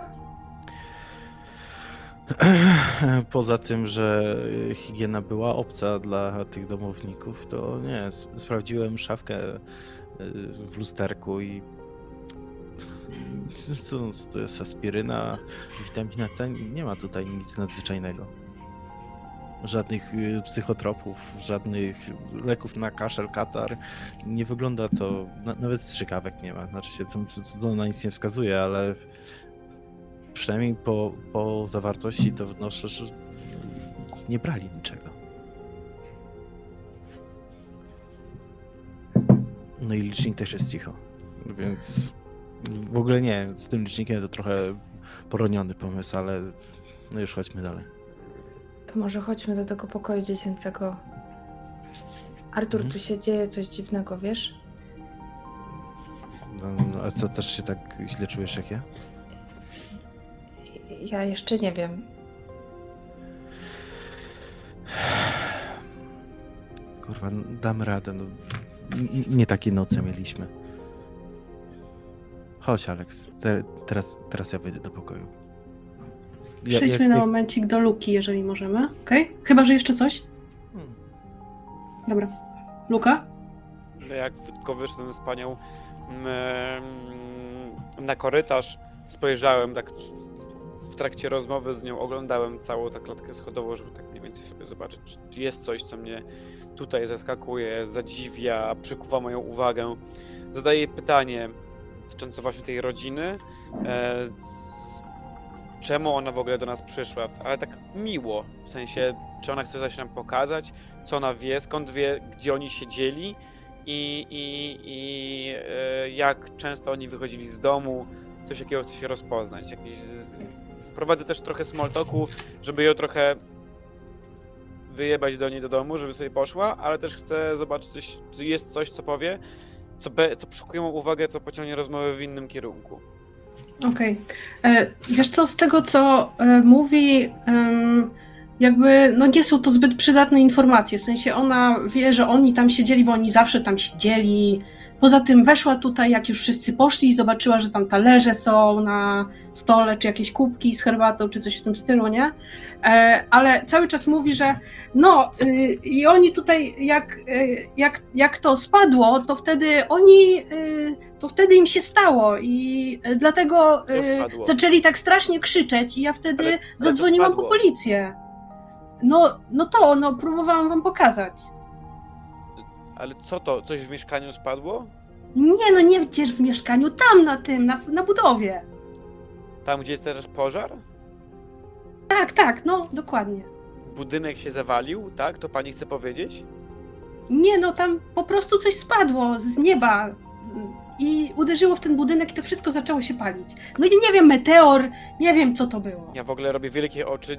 Gdyby jakiś meteor walnął w miasto, to byśmy o tym słyszeli już dawno, więc tak sobie myślę, co jest? W sensie, no, no dziwne i... E, a, a kiedy to spadło? No zanim ich zabrali do tego szpitala, Dzisiaj? jeszcze zaczęli krzyczeć, ja potem zawiadomiłam policję, policja przyjechała, wyważyła drzwi i ich zabrali. Dzisiaj to spadło, tak? A, tak, tak, dzisiaj. No, widziałam od siebie też. Mhm. To, to dziękuję za informację. Proszę pójść do siebie. E, na spokojnie, mamy wszystko pod kontrolą. Dziękuję bardzo. Ewidentnie jest mega zbzikowana, nie? Więc jakby... Widzę, więc od razu wyciągam telefon, jak wchodzę do pomieszczenia, to szukam w newsach po prostu informacji o, o, o czy cokolwiek się takiego wydarzyło, że coś z nieba spadło w mieście, pożar, czy, czy jest coś specyficznego, co mogę znaleźć w internecie. Wiesz co, y, znajdujesz tylko pierwsze wzmianki o tym, że, że pali się na tej budowie, że tam jest zbudowana jakaś hala magazynowa i że już A co, jakby akcja gaśnicza trwa. A co przytrzymywali w tej hali, albo co? Ale nic nie przytrzymywali, ona była w budowie dopiero, nie? Aha. No, I tam nic był skład materiałów budowlanych. Nie, nie. Są jakieś pierwsze zdjęcia z daleka, za e, ogrodzenia, gdzie tam właśnie strażacy gaszą ten pożar. Jest jakaś tam karetka, która wyjeżdża, w sensie w kadrze, czy coś w tym stylu nie? Czy wiadoma jest przyczyna pożaru? E, Nic w tych artykułach nie ma. To jest, wiesz, news sprzed tam, nie wiem, 40 minut, nie? No wiem, Więc- dlatego właśnie tak patrzę sobie, czy coś jest. Dobra, no to tylko wyłączam telefon, wchodzę do środka i mówię, a, y, Artur, Alex? Poczekaj chwileczkę, poczekaj A. sekundkę, jeszcze spróbujmy odegrać tą scenę e, w drugim pomieszczeniu Mhm. i dopiero wtedy jakby Dobra, zsynchronizujecie to się, tylko okej? powiedz, kiedy nam, mam wejść. Dobra. Wracamy do e, Artura i do Alex. Mhm. Aleks, jak potrzebujesz, to usiądź, ja sam sprawdzę ten pokój. Nie pójdę z tobą, tylko. tylko... I dla Alex, która wcześniej czuła, że. y, no właśnie, że Artur y, może jej w każdej chwili powiedzieć, że wysiądzie i nie jest w stanie dalej, y, dalej działać, to trochę czuję, że role się odwróciły i ona opiera się na nim. I tak czujesz, że łapie cię tak za łokieć i chce iść za tobą. Dobrze. Artur, czy ty jesteś osobą religijną? E, zupełnie nie. A to skąd znasz tego e, grekokatolickiego księdza, z którym rozmawiałeś e, parę godzin temu? E, wiesz co? Em, Poznałem go w... Generalnie my się znamy dość długo, bo jak byłem w Bidulu, to on przychodził do nas i, i wiadomo, tam próbował mówić, jaki Bóg nie jest wspaniały, jak bardzo o nas nie zapomniał, jak czeka nas wspaniałe życie. Do mnie to nigdy nie przemówiło, ale bardzo lubiłem z nim poruszać e, bardziej poważne tematy związane z religią. I stanowiłem, stanowiłem dla niego jakieś wyzwanie, wiesz, e, które on chciał mnie bardzo nawrócić, czy pokazać mi tą religię i wiarę, a ja bardzo się wzbraniałem od tego. I gdzieś między nami po prostu taka zwykła koleżeńska przyjaźń, znaczy może nie przyjaźń, ale taka zwykła koleżeńska relacja. Później jak już podrosłem, on też już był trochę starszy, już się tak nie udzielał, bo ze względu na stan zdrowia nie mógł to spotykaliśmy się prywatnie też porozmawiać o życiu i śmierci, i o Bogu, jak miałem czas na to, bo teraz już nie mam. Okej, jak Alex cię złapała tak za ramię, tak jak przed chwilą zrobiła, to przypomniało ci się, że e, jak wychodziłeś do pracy dzisiaj i szedłeś do metra, bo e, naprawdę nie opłaca się jeździć do centrum swoim autem, bo nie ma gdzie e, postawić e, samochodu, to zaczepił cię właśnie ten ksiądz. I złapał cię dokładnie tak samo jak Alex teraz Mhm. i coś ci powiedział. Co to było? Jego oczy były takie dziwne. Był bardzo zaniepokojony i coś ci powiedział. Możesz sobie przypomnieć, czy nie możesz? Na początku nie, nie byłem pewien, czy on to powiedział do mnie, czy do kogoś, kto przechodził. Tak naprawdę nigdy nie miałem okazji słyszeć od niego takiego tonu, bo mimo tylu lat, co się znaliśmy. Powiedział, że dzisiaj mogę zobaczyć Boga na własne oczy.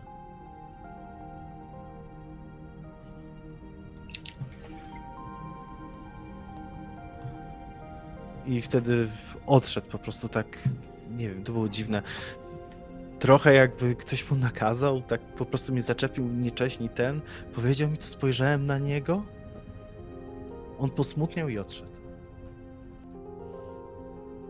I w momencie, kiedy y, Alex mnie tak chwyciła, to wróciło do mnie i spojrzałem na Alex i Alex mogła zobaczyć, że widzi po prostu strach w oczach Artura. I w tym momencie do e, korytarza, znaczy na korytarz wchodzi Luka. Jest sam, nie ma z nim. E, Tak. y, starusz- Moja, moja twarz jest oświetlona blaskiem y, telefonu, który w tym momencie jest zablokowany. Chowam go do kieszeni i mówię: Słuchajcie, ta, ta kobieta z dołu, zamykam drzwi za sobą. Mówi, że to wszystko się wydarzyło, kiedy coś spadło na tamten budynek, ten, który płonie. Sprawdziłem cokolwiek w necie i no, nie wiadomo dlaczego płonie, ani nie ma żadnych informacji o tym, że coś spadło. No mówi o jakimś meteorycie czy cokolwiek innego, ale jest całkiem świernięta, więc nie dziwi mi się, gdyby gadała od rzeczy, a gada od rzeczy jak, jak nakręcona. E, macie cokolwiek tutaj? Jest ten pies jakiś w ogóle? Bo to mnie też trochę niepokoi. Nie. Co macie takiej miny? Jak ten licznik? Coś się stało? Mm, Tak patrzę na Alex. Czy Alex jest w stanie mu odpowiedzieć? Wiesz co, wydaje się, że nic nie znaleźliśmy, ale jeszcze możemy, musimy sprawdzić ten pokój dziecięcy. Mm, Może ty tam wejdziesz, co? Bo nam Tak. trochę jakoś słabo się zrobiło Słabo chwilę. się zrobiło? Weźcie usiądźcie, macie tam jakąś aspirynę czy coś tam w tych, e, albo ich lekach. Mam skoczyć po coś do, do, do tego, do samochodu? Nie, nie, Nie, nie, nie. nie trzeba. Dobra. Jestem taki, widzicie, ewidentnie skonfundowany całą sytuacją, patrzę na was. E, no dobrze, to odpocznijcie chociaż na moment. E, widzicie, że chcę coś powiedzieć, ale tak zamykam się i... E, I otwieram drzwi do tego dziecięcego pokoju, żeby tam wejść i zobaczyć, co się dzieje. I kiedy otwierasz drzwi, przekraczasz jego próg, e, to jest znowu jakbyś miał 6 czy 7 lat. E, to jest twój pokoik. Zaraz go opiszesz. E, I to z kim tam jesteś? Mhm. Śmiało. Widzę wypełniony e, dziennym światłem pokój. Od razu, kiedy przekraczam jego próg, słyszę, jak cały się trzęsie wraz z całym dołem, kiedy przejeżdża obok kolej. Widzę dwupiętrowe łóżko dla mnie i dla mojego starszego brata, e, który już e, no, z nami nie mieszka od paru lat, bo jest grubo starszy ode mnie, e, ale spał tutaj jeszcze, e, zanim się wyprowadził. I em, widzę plakaty, e, jego plakaty na ścianach, jakichś zespołów, które zawsze chciałem posłuchać i chciałem spamiętać ich nazwy, ale chciałem być jak on, ale nigdy, nigdy mi się nie udało i nie wiedziałem, gdzie mam szukać tego wszystkiego. E, jego kolekcję płyt, e, jeszcze e, jego jedną walizkę, która została, bo akurat jest czas, kiedy on jest. E, właśnie przyjechał do nas na weekend i to właśnie on jest ze mną w tym pokoju wszedł e, i, i wręcz jakby jak tylko otwierałem drzwi, żeby mu pokazać, gdzie ma spać, jak mama powiedziała, żeby pokazać, to on po prostu wszedł i bezceremonialnie rzucił walizką, położył, usiadł na dolnym piętrze i, i zaczął tak jakoś oglądać to wszystko z takim wzruszeniem, ja patrzę i no nie zmieniło się od momentu, kiedy on się wyprowadził. Ja trochę nie miałem odwagi, żeby zmieniać jego, jego pokój, mimo tego, że ja w tym mieszkałem około paru lat. Jest jego biurko z jego naklejkami i tak dalej. I patrzę na to wszystko, jest tylko jakiś jeden koszyk z moimi zabawkami, którymi, którymi lubiłem się bawić, ale za bardzo nie ingerowałem w jego miejsce i tak patrzę na jego... Yy, no możemy dzisiaj e, pograć jeszcze, jak masz czas. Mama mówiła, że masz czas. Jak patrzę na niego. I wtedy wchodzi tata i mówi coś bardzo ważnego. Co zapamiętasz do końca życia? Co wtedy mówi? To jest tak, że to nie jest może ważne dla wszystkich osób, ale było zawsze jakoś tak dla nas ważne. Em, On powiedział dwie rzeczy. Po, po, spojrzał na mojego starszego brata, powiedział pomóż matce i spojrzał potem na mnie i powiedział bo wiedział, że planuję wyjść z moimi znajomymi na piłkę i tylko powiedział nie spóźnij się na kolację. I to są takie błahe rzeczy, ale to jakoś tak zawsze w nas zostało i mój brat zawsze jakoś tak był tą osobą, która która, która pomagała tej mamie, a ja zawsze dbałem o to i starałem się nigdy nie spóźniać, bo wiedzieliśmy, jak nasza mama jest przepracowana. On był, mój tata był oschły i szorstki i powiedział tylko te dwa słowa i mimo tego, że powtarzał je często i nawet jak robiliśmy to wszystko i się nie spóźniałem, a mój brat zawsze pomagał mamie, to jakoś tak w nas zawsze to ta jego oschłość z tymi krótkimi, prostymi wręcz rozkazami, komunikatami, komunikatami zawsze do nas jakoś tak, tak bardzo docierała. I e, wyrywa cię e, dźwięk e, krótkofalówki. 44, zgłoś się. 44, zgłoś się. E, Sięgam po nią. E, 44, tak, tak, jestem, jestem. Co jest? Jesteście wolni? E, Nie, zapierdalamy jak po prostu taksówka. Co się dzieje? No? Jest y, trzeba, potrzebna pomoc w parku przy e, Broadmoor. Jest tam jakiś szaleniec, co biega po parku e, na dopalaczach. No to policja? Co mamy do, do kolesia, który zapierdala po, po, po dopalaczach po parku? Jak my możemy No, mu pomóc? Trzeba go jakoś uspokoić. A jest tam policja? Jest policja, ale potrzebują lekarza albo chociaż y, ratowników medycznych. Krzy... No, jakby wychodzę z tego, wyglądam tym o, o, o, głową spokoju, mówię, możemy stąd jechać? Tu chyba nic nie znajdziemy. Wiesz co, obleć szybko mieszkanie z tym licznikiem, my już po prostu zejdziemy z Alex na dół. Jak zacznie pikać, to, to okej, w piździe z tym, nic tu nie ma. No dobra, to jedźcie i napijcie się czegoś. Są te Red Bulle i na pewno coś jeszcze znajdziecie w tej walizce, e, w tej, w tej torbie. Alex, Tak? Alex, Tak? kontaktujesz? Y, Tak, tak, y, w parku. Y, Jedziemy. Jedziemy, będziemy na dole czekać na ciebie. Mhm. Dobra, no to biorę tylko licznik od Artura i mówię, napijcie się czegoś, no chociaż zajedziemy na stację po jakąś kawę, naprawdę, cokolwiek, albo jak wy pójdziecie do tego parku, to ja tam wam skoczę po kawę, dobra? Dobra, spokojnie, weź, obleć mieszkanie, a my z Alex już po prostu opuścimy to miejsce. No dobra, jakby, no dobra, powiem, że zaraz będziemy. I rzeczywiście mówię, 4-4, będziemy zaraz na miejscu, jak najszybciej się da. Jakby dyspozytor potwierdza, że przyjmuje e, wasze, e, waszą aktywność w zgłoszeniu i y, wysyła wam na ambulans szczegóły, nie? Adresowe i w ogóle, nie? Tam na GPS-a tego lokalnego. Jak oni wychodzą, tylko Dobra. przeglądam, e, tylko chciałbym wejść do, do tej łazienki, jak oni wychodzą Mhm. stąd. I patrzę, czy tutaj coś się, co tu się wydarzyło, czy jest coś, co, co jakkolwiek by uargumentowało ich stan. Wiesz co, no nie, no w łazience widzisz tylko otwartą szafkę na leki, prawdopodobnie ktoś, e, może Alex, może Artur ją przeglądali. Jest wanna, e, w której są jakieś e, kłaki, może właśnie tego psa tutaj lekko zagrzybiała, odsłonięta firanka i to tyle. Nie, Mhm. No to patrzę na ten licznik, ale nie ani drgnie, jest zero. Wiesz co, jakby tu było jakieś promieniowanie, to, to e, tak już dawno by się, że tak tak powiem, odezwał, nie? Ja znaczy, trochę myślę, że może być z, z, z popsut albo cokolwiek, myślę, gówno po prostu sprzęt, nie? I, I wchowam ten licznik i zbiegam jak najszybciej się da. Zamykam tylko drzwi oczywiście i zbiegam szybko do karetki. Po prostu wbiegam do niej i sprawdzam, czy jest Alex i Artur i chcę odjechać jak najszybciej. Okej, robimy cięcie tej sceny. Jakieś 40 parę minut później e, przedzierania się przez miasto docieracie do.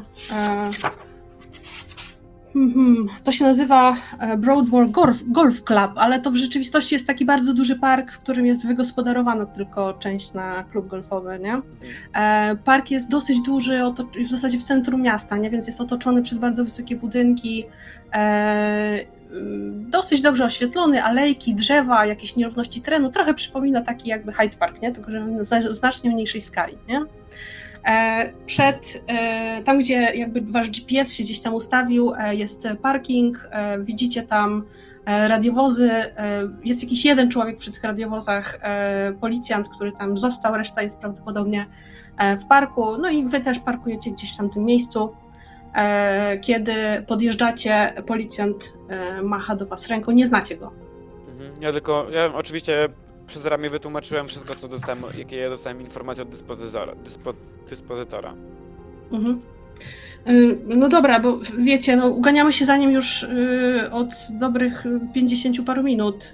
Nie możemy go uspokoić w żaden sposób. Jak już go złapaliśmy, to jest tak silny skurwiel, że nam się wyrwał. Nie, nie macie ma- tam czegoś, żeby mu, nie wiem, zaaplikować czy coś w tym stylu, żeby go trochę uspokoić? Ja- Jak mamy mu zaaplikować, jeżeli wy nawet nie możecie go złapać? No ale Macie spokojnie, my go złapiemy chociaż na chwilę, ale po prostu pomóżcie nam, no bo nie damy sobie rady, nie? No to musicie go taserem przecież obezwładnić, tak? Myślisz, że nie próbowaliśmy? Gość jest jak tur, nie wiem co, co w niego wstąpiło. To nie jest normalne, no. Musiał się nabrać jakiś kurwa dopalaczy tutaj.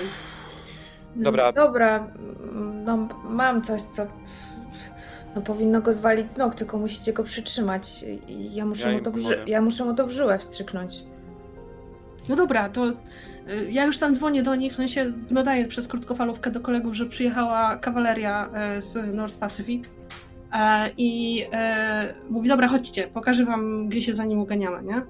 Po czym prowadzi was normalnie przez bramę parku, wchodzicie do środka, gdzieś e, przy bramie tam kilka osób stoi, e, jakby, nie wiem, nie wiedząc, co się tam dzieje, myśląc, że tam, nie wiem, jest zabójstwo i w ogóle gapie, nie? Czekają na e, jakiś spektakl, tak? Tak jak zresztą niemalże w każdej akcji, w której uczestniczyliście e, dzisiaj. e, Spektakl to jedno z e, głównych e, jakby e, głównych leitmotywów, tak, jeżeli chodzi o widownię.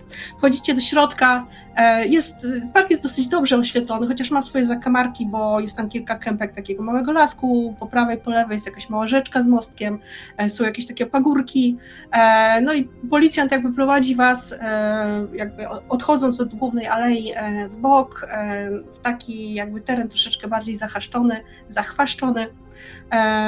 I widzicie już z jakiejś tam odległości, że chodzi kilku policjantów, świeci latarką po prostu, nie? Po krzakach, e, szukając e, ewidentnie kogoś. No tu był gdzieś, no tu go gdzieś widziałem, no wczołgał się tutaj pod te krzaki, nie? Tak ze sobą gdzieś tam rozmawiają, nie? Tak, Kiedy podchodzicie... Hmm? Nie, tylko tak chciałem pokręcić głową i patrzeć na Alex i, i na Artura takim spojrzeniem, że zajebiście, w sensie my mamy teraz się za nim uganiać, czy co? Nie Jest no taki- właśnie, powiem wam, że jakaś masakra tej dzisiejszej nocy. Cały czas czuję, że robienie to, co mam w zakresie obowiązków. Co to kurwa jest po prostu. No, jak na razie to dobrze, że nie każe nam jeszcze gasić tamtego pożaru, który był e, e, przy tym, przy tym, przy tym, przy tym, przy No, tym czekaj. Lake Noc jeż- Washington Boulevard. czy Noc coś tam. jeszcze młoda. Tak. E, To jest, to jest jakaś parodia i no, zapraszają do policji tych spasionych policjantów, którzy tylko wpierdalają całe nie pączki i później nie mogą złapać Hej, George jest na- chory, tak? Od niego się odwal. On akurat nie może schudnąć. Tak, jasne. No, Nie, nie, nieważne, nieważne, dobra, musimy się skupić na zadaniu, ale... e, ale nie będziemy po ruszymy- nim biegać. Złapaliście go? Gdzie on jest? Chłopaki, a przepraszam panią e, i pani, łapcie za latarki i idźcie w lewo, gdzieś tutaj nam się w tej kępie schował, ale nie możemy go znaleźć, nie? No to- Nie no, przepraszam panie, panie funkcjonariuszu, nie wiem jaki jest e, twój stopień, ale to jest na pewno przekroczenie wszelkich procedur. No, Kurde, no musimy jest- sobie pomagać, jest taki wieczór, dziewczyno, nie widzisz co się dzieje w mieście? To jakaś pierdolona apokalipsa. Chłopaku, nie widzisz co się dzieje tutaj? Ona i on to są lekarze, a nie zapierdalacze. Oni nie będą biegać i łapać ziomka, bo mają sprzęt. Ale nikt im nie każe biegać i latać, niech po prostu poświecą, czy gdzieś się tam nie chowa i niech nam krzykną i pod, podbiegniemy. I co, mam do niego kurwa cip cip taś taś mówić? Żeby do mnie podbiegł? Dobra, Zagadać Nie go? wiem, pierdolę stary, to, będziesz latarkę. problemy, to rzeczywiście wyjdź, bo nie jesteś wtedy w żaden sposób przydatny. Dobra, ale może bez takiego słownictwa, dobra? W sensie ogarnijmy się wszyscy, pierdolę to, biorę tę latarkę i, i, i zaczynamy świecić w Mhm. krzakach. Dzisiaj jest naprawdę mega nerwówka, nie? Z każdym case'em jest po prostu coraz bardziej, wszyscy są najeżeni na siebie nawzajem i wiecie, i to jakby udziela się także wam, nie? No, czuję to. Dobra, e, idziecie, e, w- jakby oni zmierzają w jedną stronę tej kępy, przeczesują tam latarkami, gdzieś tam e, widzicie tylko światło, w pewnym momencie oni wam giną z widoku, wy idziecie w drugą stronę i e, w pewnym momencie do waszych uszu dociera e, taki głosik. Mała gwiazdka wpadła z nieba i wybuchło wszystko wokół i mała Zosia z małym Haniem, e, Harym, e, jadła wtedy rosół, nie? I jakby ten głosik tak mówi, słyszycie, im, im bliżej jesteście, tym słyszycie go wyraźniej, to jest jakby jakaś taka dziecięca wyliczanka, nie? Ale taka jakby totalna improwizacja, jakby ktoś improwizował na, e, na biegu, nie? E, no, śmiało. Skąd to, skąd to słyszymy?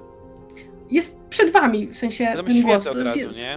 Widzicie, e, widzisz w świetle latarki takie zgarbione plecy, ubrane w jakiś tam płaszcz taki bardzo brudny, z ziemią pokryty na dole. Na ziemi siedzi skulony człowiek, kiedy jakby obchodzisz go tak, żeby móc do niego zajść e, z którejśkolwiek tam I od strony. razu krzyczę, nie? Żeby, żeby ktoś tu podbiegł. e, to widzisz, że jest e, nagi, koło, nie wiem, 60, może troszeczkę starszy, albo wygląda tak staro, bo jest bardzo wyniszczony, nie?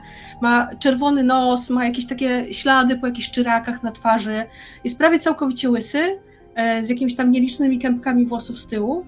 E, Na nagim ciele, takim dosyć owłosionym, takim troszeczkę napuchniętym jakby, nie? Grubym, e, ma zarzucony taki beżowy prochowiec, nie? E, I siedzi y, jakby w jednej ręce trzyma kubkę ziemi, która przesypuje mu się przez palce, w drugiej sobie sypie tą ziemię z góry i mu opowiada właśnie tak, że mała gwiazdka spadła z nieba i w tym czasie ktoś tam jadł rosół i w ogóle, nie? I cała taka dziecięca liczanka. Tutaj! No, chodźcie tutaj! Krzyczy. E, mhm.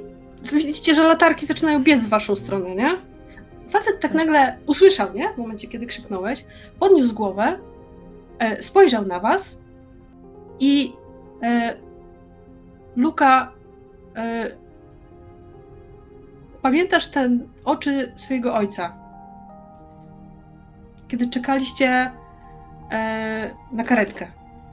To były takie same oczy. Niebieskie, e, pełne ogromnego cierpienia, bólu, ale takie, które jeszcze w tym wszystkim próbowały cię pocieszyć, że na pewno wszystko będzie dobrze.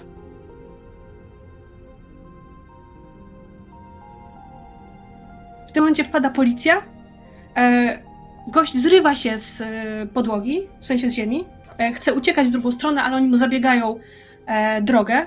E, jeszcze raz dostaje teaserem. Widzicie w ogóle, jak już jesteście blisko, jak już w ogóle jest więcej światła, że ma na ciele już kilka śladów po, e, po taserze, nie? Bo one się e, jakby odróżniają bardzo na jego ciele.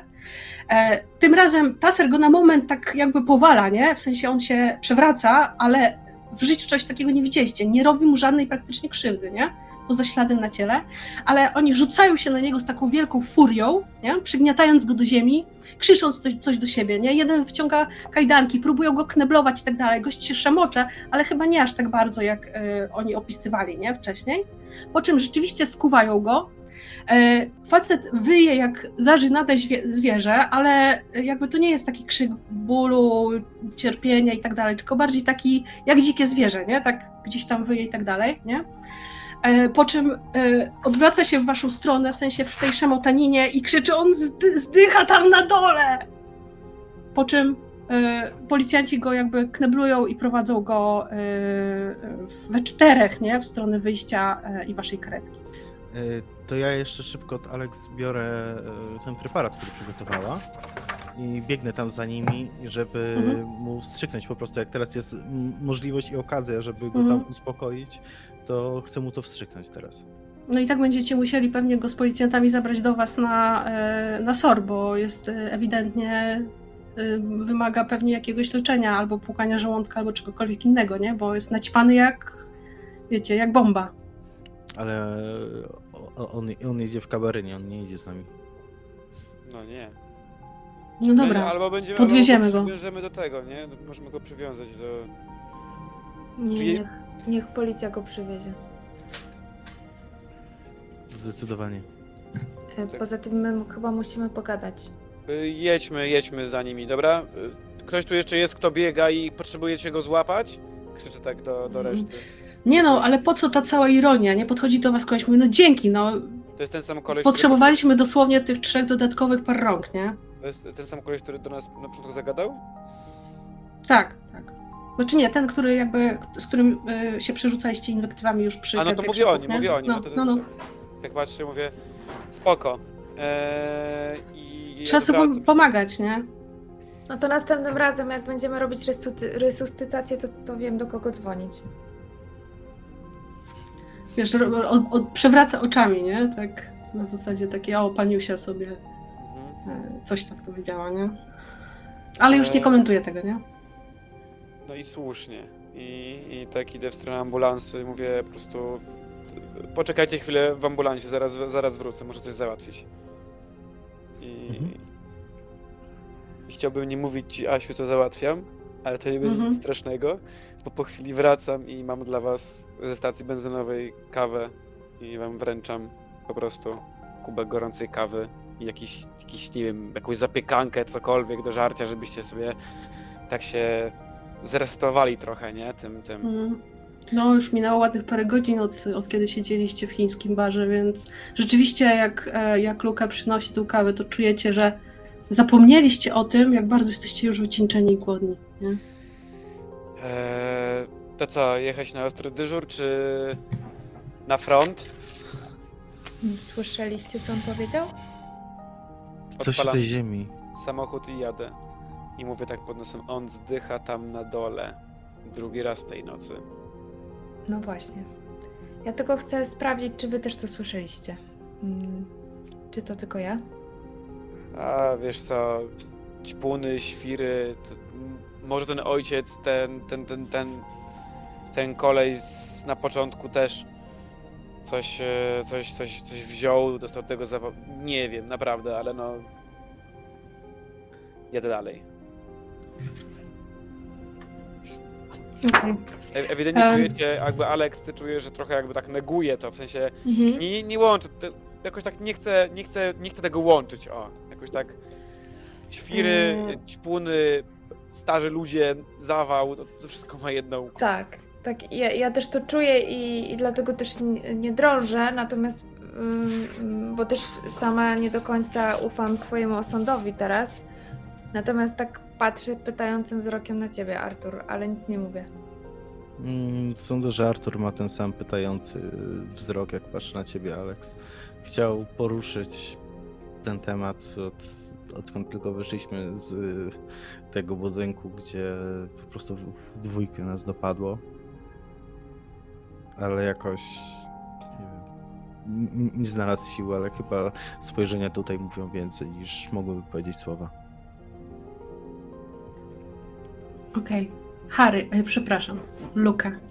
E, ruszasz e, ambulansem. W zasadzie nie do końca musicie się jakoś specjalnie śpieszyć, w sensie za wami jedzie e, radiowóz z zapakowanym tym gościem od dopalaczy. Patrzę tylko na E. godzinę, e, patrzę na godzinę, no w sumie. Która może być no już pewnie grubo po północy, gdzieś może koło drugiej, co sądzicie? No myślę, że taka, taka druga, nie? To jest taki Mhm. vibe drugiej w nocy. Dokładnie. Za godzinę już E. będzie tak, że już będzie mieć wylane na wszystko, nie? Ale teraz taki najgorszy okres, kiedy nas to zmęczenie dopada. Dokładnie. E, I, ale to jest taka chwila spokoju, tak? Jest to moment, w którym jesteście sami, gdzie nie macie e, żadnego e, zgłoszenia, e, gdzie jakby waszą rolą jest tylko e, jakby do, doeskortować gościa i go tam po prostu zapisać, przekazać go, że tak powiem, na ostry dyżur. I z Coxem E. porozmawiać, mówię do niej już. Pamiętajcie, żeby z Coxem porozmawiać o tej, o, o tym mieszkaniu. Jakby Tak. ten, ta droga trochę was wycisza. Czy jest coś, o czym chcielibyście tam porozmawiać? Takim może trochę bardziej zwykłym, a nie e, związanym z tym, co się działo dzisiejszej nocy? Nie, Alex zdecydowanie nie ma na to siły. E, Spojrzenie, które wymieniła z Arturem, z jednej strony ją uspokoiło, bo czuje, że nie jest w tym sama, z drugiej strony przeraziło, że y, to dzieje się naprawdę, albo może dziać się naprawdę, więc y, będzie jechała przeżuwając tą kanapkę, którą dostała od Luki. Czuje się bardzo głodna, ale w ogóle nie czuje smaku. To wszystko smakuje jak papier. Artur myślę, że też korzysta z e, tej chwili ciszy, że nikt się nie odzywa i napawa się po prostu każdą sekundą, która jest, bo wie, że choć nie, tego też nie może być pewien, że w każdym momencie może po prostu ten cholerny dźwięk y, krótkofalówki rozbrzmieć i halo, halo 44, czy jesteście? I wie, że wtedy znowu zacznie się ten koszmar, który dzisiaj po prostu z każdą chwilą się nasila coraz bardziej i bardziej. I w sumie przez połowę drogi nawet nie ruszył tej zapiekanki, tylko patrzył i snuł palcem po keczupie na niej, robiąc jakiś wzór, później go zamazując i stując jeszcze raz. Odnalazł taką chwilę wytchnienia dla siebie. Jak widzę, że y, Alex nie doda swojej zapiekanki, to tylko wyciągam rękę w jej stronę, żeby, żeby dojeść. E, patrzę na tę rozmazaną. Bo to Alex nie, nie swojej zapiekanki, prawda? Dobrze pamiętam? E, Artur na pewno nie dojada, ja jeszcze nie wiem, ale mogę nie dojeść. Nie, no to. Bo Artur jak na razie to sobie maca palcem po tej zapiekance, więc moim pierwszym. Nie, no ja myślę, że ja wzięłam kilka kęsów, że smakuje to właśnie dosyć tekturowo, więc tak y, no trzymam ją tak wahając się. No to tak patrzę tylko w lusterko. Będziesz to jadła? A, weź, y, nie bierz tego do siebie, ale chyba, chyba mam coś z żołądkiem. No. O tej porze zjem wszystko i po prostu wtrążalam i tak mówię z, z napchanymi, napchanymi ustami, tak patrzę w lusterko na was, trochę na jezdnię. Eee, oglądaliście ten nowy serial, to Zbożowe Lato? Kiedy? No, no ostatnio jakoś tak wyszło, obejrzałem dwa odcinki, ale jest... Jak widzicie, że tak gadam tak trochę tak Mhm. żeby w ogóle cokolwiek nie poszło i tak. No ale dialogi z tektury w ogóle jakieś takie średnie, nie ogarniam tego co tam się dzieje. Wiesz co, ja ostatnio co widziałem, to chyba był y, 1232 odcinek Mody na sukces i, i, i to był ostatni, ostatni raz, kiedy jakikolwiek serial oglądałem. Od tego momentu już nie miałem czasu. No ale ten tysiąc któryś odcinek to jak byłeś na bieżąco, to jakiś czas temu to oglądałeś. Wiesz co, nie, nie wiem. Nie wiem, może to było wczoraj? Mm. Nie, nie, nie pamiętam, ale to był ostatni odcinek, który obejrzałem na pewno. Pamiętam tą liczbę. I nagle ambulansem szarpie. Właśnie dlatego, że Luka po prostu dał bardzo mocno po hamulach. Tak. Przez, przez przednią szybę e, widzicie już budynek e, North Pacific. W sensie to białą, biały klocek doklejony do e, jakiegoś takiego secesyjnego budynku uniwersytet, uniwersyteckiego, przepraszam. I na wjeździe płonie ambulans, wbity w latarnię. Dwudziestka szóstka. Chyba kojarzycie y, tą ekipę, ale na pewno nie znacie się dobrze. Boże, słuchajcie, tam, tam, tam chyba jest, jak ona miała, Margaret? Ja od razu jak daję po hamulcach, po prostu wypluwam tę te, te zapiekankę, widzisz, że po prostu ją wyrzucam przez okno i po prostu szybko zajeżdżam jak tylko mogę i biorę krótkofalówkę i mówię straż pożarna pod to miejsce, której nazwy już zapomniałem, więc nie powiem teraz, ale moja postać na pewno ją pamięta, więc Mhm. mówię, gdzie mają podjechać jak najszybciej, jakkolwiek i, i, i, i pokazuję na torbę, na, na gaśnicę Arturowi, która jest z drugiej strony. Mhm. Krótkofalówka tak mega szumi, tak jakby były duże zakłócenia. Ktoś tam odpowiada ci z drugiej strony, nie? Jakby przyjmuje zgłoszenie, ale słyszysz taki cały wiesz, coś co zakłóca cały czas. Słyszysz urywane y, jakby y, słowa, ale wydaje ci się, że ktoś zrozumiał i przyjął, nie? Od, odrzucam ją po prostu i, i po prostu wyskakuję stamtąd, e, Mhm. wychodząc na zewnątrz, żeby otworzyć drzwi, wypuścić was.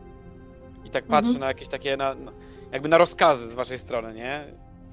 Kiedy to robisz, y, przejeżdża obok ciebie radiowóz, który też zajeżdża jakby na ten parking i tak staje na środku, nie? E, przez chwilę nic się nie dzieje, e, gasi silnik, A to jest policjant. ten z tym na- naćpanym typem, czy to jest Tak, jakiś... no z panem Okej. typem na pace, nie? Po czym jeden z policjantów wychodzi, tak się rozgląda po waszym parkingu i mówi, ty, u was tak zawsze? Do ciebie, nie? Ja tak I patrzę, wtedy mówię, zauważasz, No, że e, na parkingu nie ma nikogo. Są auta, niektóre stoją tak, jakby ktoś właśnie z nich wysiadł i zostawił je na środku, nie? ale on E, płonie, niektóre to, mają otwarte. Nie, am, ten ambulans płonie, tak. Ale oprócz tego na parkingu jest totalnie pusto, nie ma ani jednej osoby. No to ja Nie widzicie nikogo. niego mówię... Tym się teraz zajmujesz? Pokazuję na ambulans. Biegnij tam jak najszybciej. No Okej, nie? Gość w- podchodzi do bagażnika, wyjmuje e, gaśnicę i obaj e, biegniecie e, wygasić e, ten ambulans, nie? Zajmie wam to chwilę. Alex, Artur, co robicie? Aleks, chcesz zacząć? E, Alex biegnie też do e, tego e, ambulansu, no mając nadzieję, że jak oni ugaszą, to będzie będzie mogła się tam dostać i spróbować wyciągnąć osobę. Kojarzy, że w tym ambulansie jeździ Margaret, której nie zna dobrze, ale która, no, na którą ma oko już od jakiegoś czasu, więc, więc leci tam trochę też nie zważając na swoje własne bezpieczeństwo. Mhm. Zaglądasz do środka, ale tam nikogo nie ma, nie? E, widzisz, że drzwi od strony pasażera ambulansu z przodu są lekko uchylone, nie? I ktoś się tak zostawił. W momencie, kiedy nastąpił no, wypadek, zderzenie, nie? Z, y, z latarnią, bo tak to wygląda. E, trochę to wygląda tak, jakby ten e, ambulans, że tak powiem, na pełnej kurwie tam wjechał. W sensie mhm. ta latarnia jest wbita w, w, auto. To nie jest jakby, wiecie, leciutka studka. Mhm. Tylko tak jakby ktoś z pełną premedytacją i siłą po prostu centralnie na tę latarnię wjechał ambulansem. E, w międzyczasie e, Luka i ten jeden z gliniarzy e, gaszą silnik, ten, znaczy silnik, ten przód, tak, pod maską. No wygląda na to, że jakby ten pożar po prostu wybuchł całkiem niedawno, nie, nie był jakiś wielki, nie, nie to, że wiecie, pochodnia, nie, tylko bardziej jakiś taki mały ogień z przodu, na szczęście nic bardziej się nie stało i wasze prochowe gaśnice wystarczyły zasadniczo, żeby to ugasić, tylko taki dym się unosi, wiecie, gęsty i biały w tym momencie e, z przodu auta. W środku nikogo nie ma. Mhm. Jezu, Natomiast to, to, wygląda jak, jak ten samochód pod mostem, który też po prostu pierdolnął w tamten drugi bez kierowcy e, za kierownicą przecież nie ma szans, żeby ktoś tak sobie po prostu wysiadł z tego, z tego, z tego ambulansu po takim pierdolnięciu w tą, w tą latarnię. Ja jak y, skończyłem ga, ga, gasić. Mhm. razem z tym gliniarzem dosyć szybko sobie z tym poradziliście.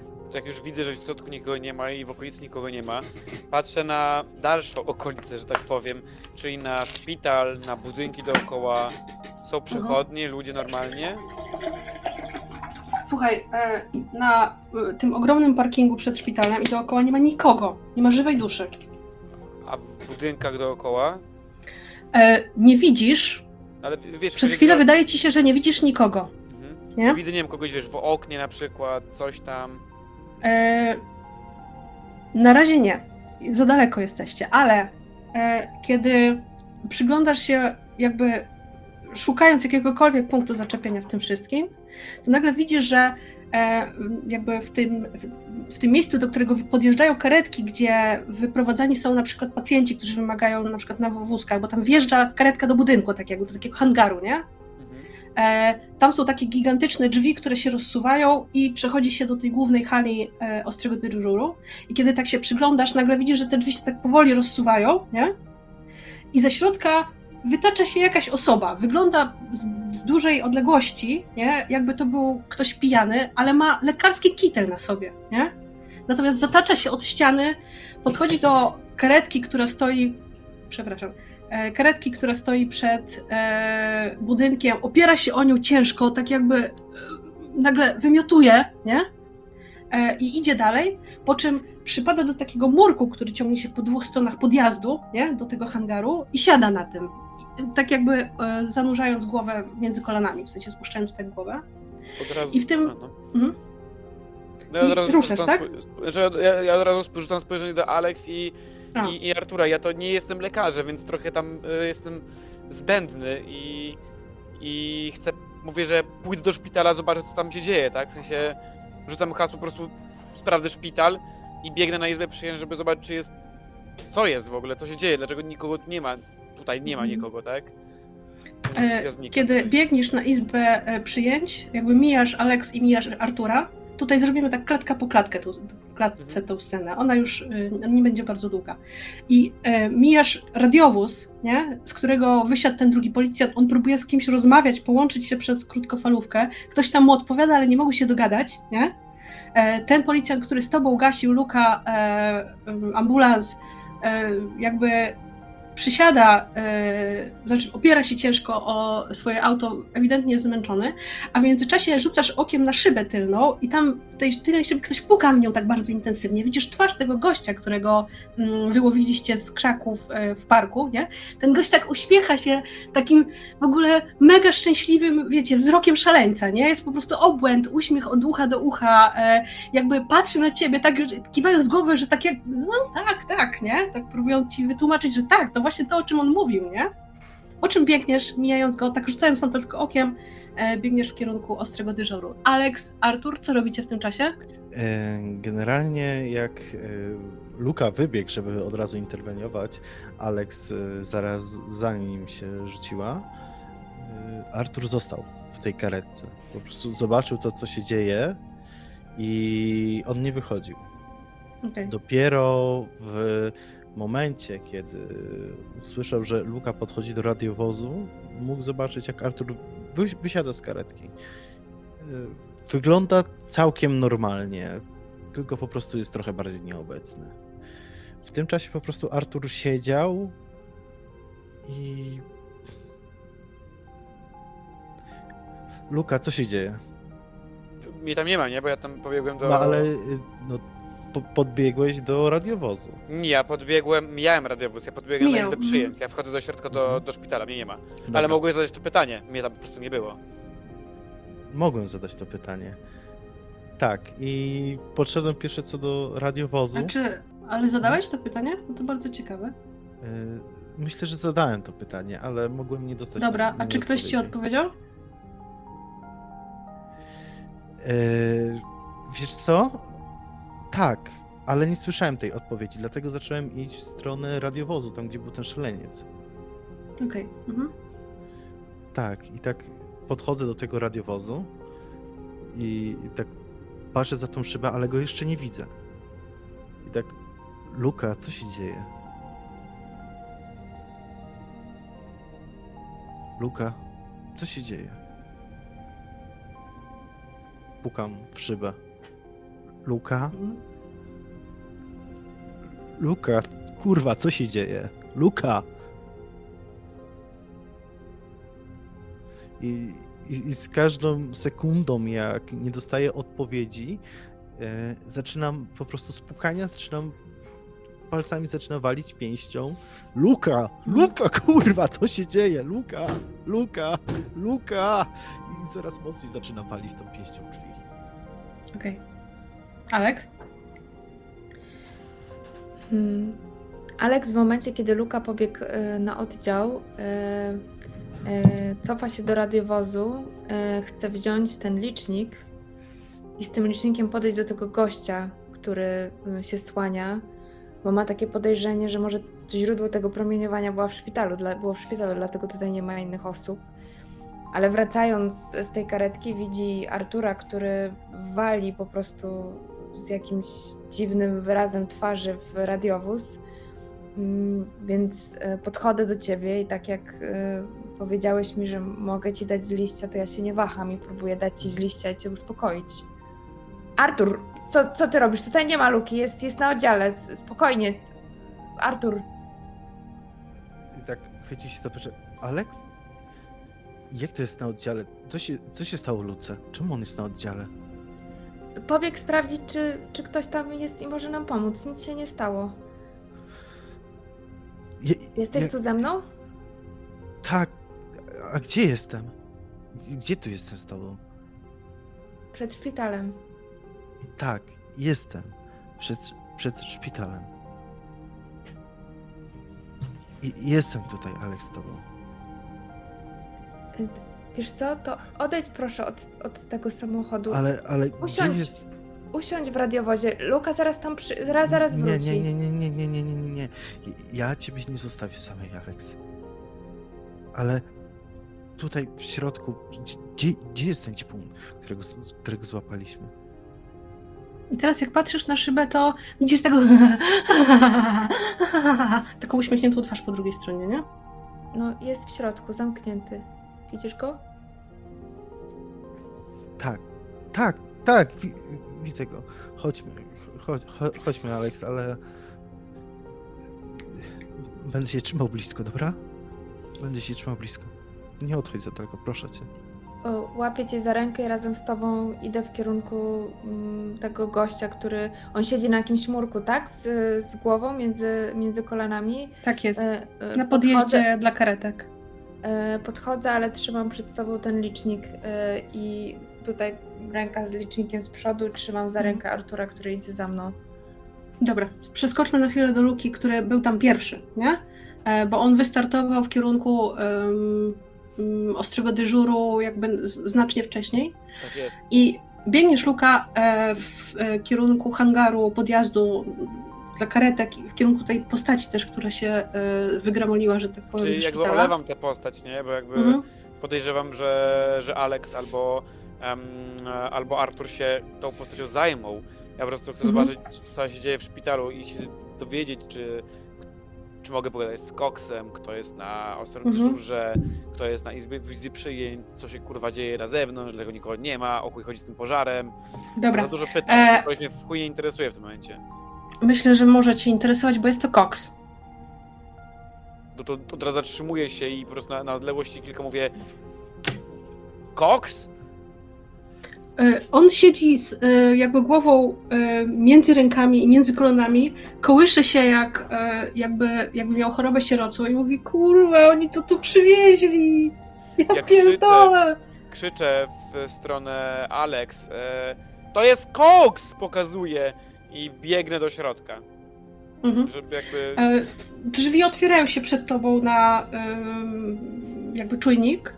Wpadasz do środka. e, Jak byliś tu ostatnim razem, to ta hala była zawalona ludźmi. Tutaj człowiek na człowieku był, nie? Na wózkach, na e, krzesłach, na łóżkach i tak dalej. Teraz jest opustoszałe. Nie ma tu nikogo.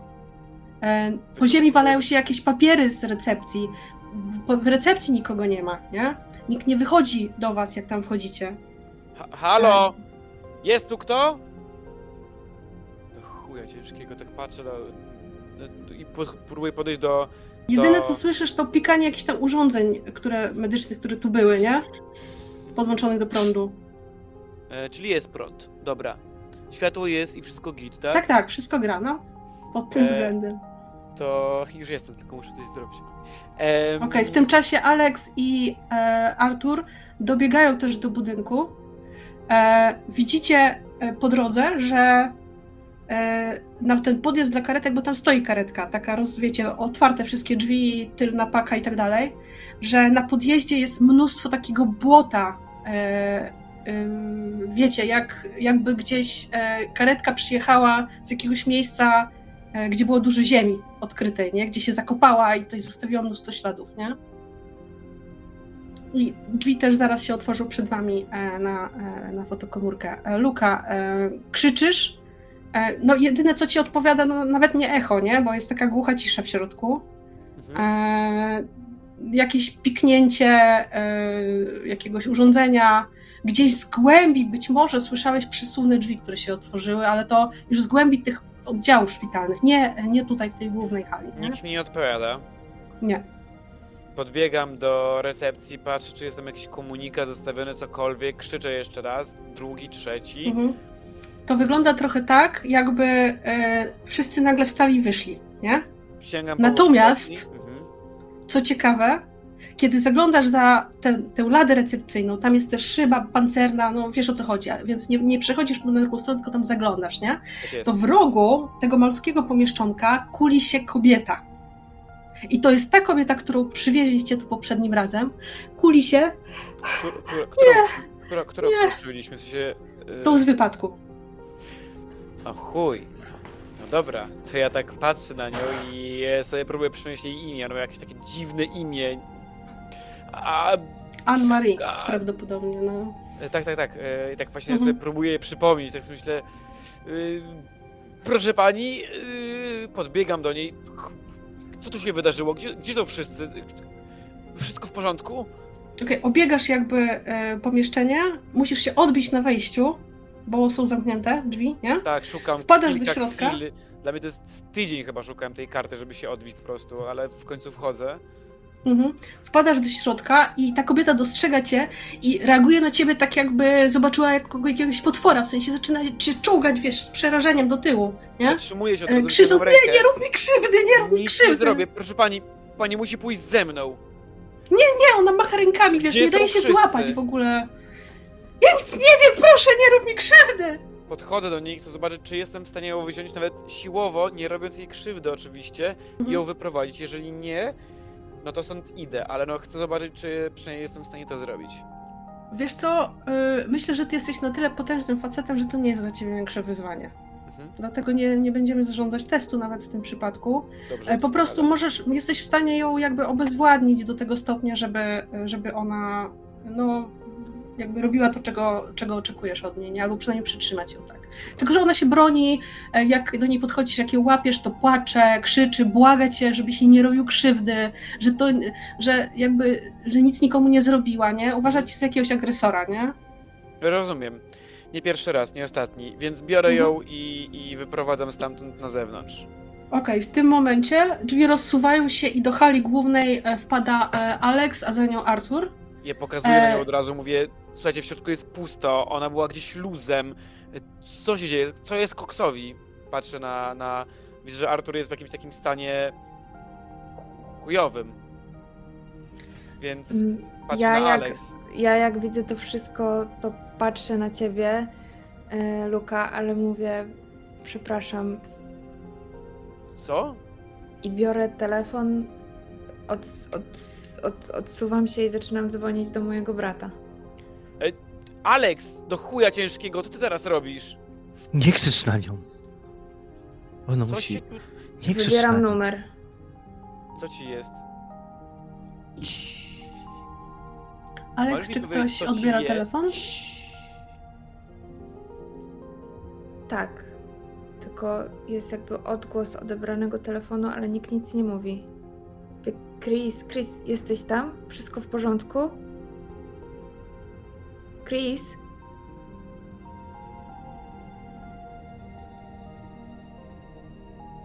Chris? Alex, możesz nie dzwonić do swojego brata w tym momencie? Cicho siedź. Rozmawia teraz, nie widzisz? Widzę, że rozmawia, ale to nie jest miejsce ani czas na taką rozmowę. Co jest Koksowi? Zbadaliście I w go? tej chwili zaczynacie słychać, słyszeć dźwięk. Tak jakby na początku bardzo cichy. Wydaje wam się przez chwilę, że ktoś włączył jakąś muzykę. E, ale nie, to jest tak jakby ileś osób śpiewało, ale tak a, tylko, że na różnych tonach, nie? I z tego się robi taka mega nieharmoniczna, e, coraz głośniejsza kakofonia, nie?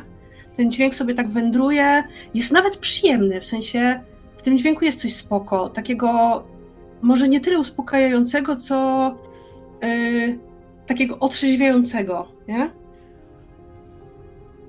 Dobiega gdzieś ze środka tych korytarzy, które y, ciągną się za y, ostrym dyżurem. Alex, co słyszysz po drugiej stronie słuchawki? Głos mojego brata, który śpiewa tą melodię. Co robicie? Omijam e, Artura i wybiegam na zewnątrz do Koksa. Yy, Artur cały czas y, trzyma się kurczowo Alex. E, Alex wypuszcza telefon z dłoni, on spada na ziemię. E, widać taką pajęczynkę roz- rozwalonej matrycy. Artur, ja już nie wiem.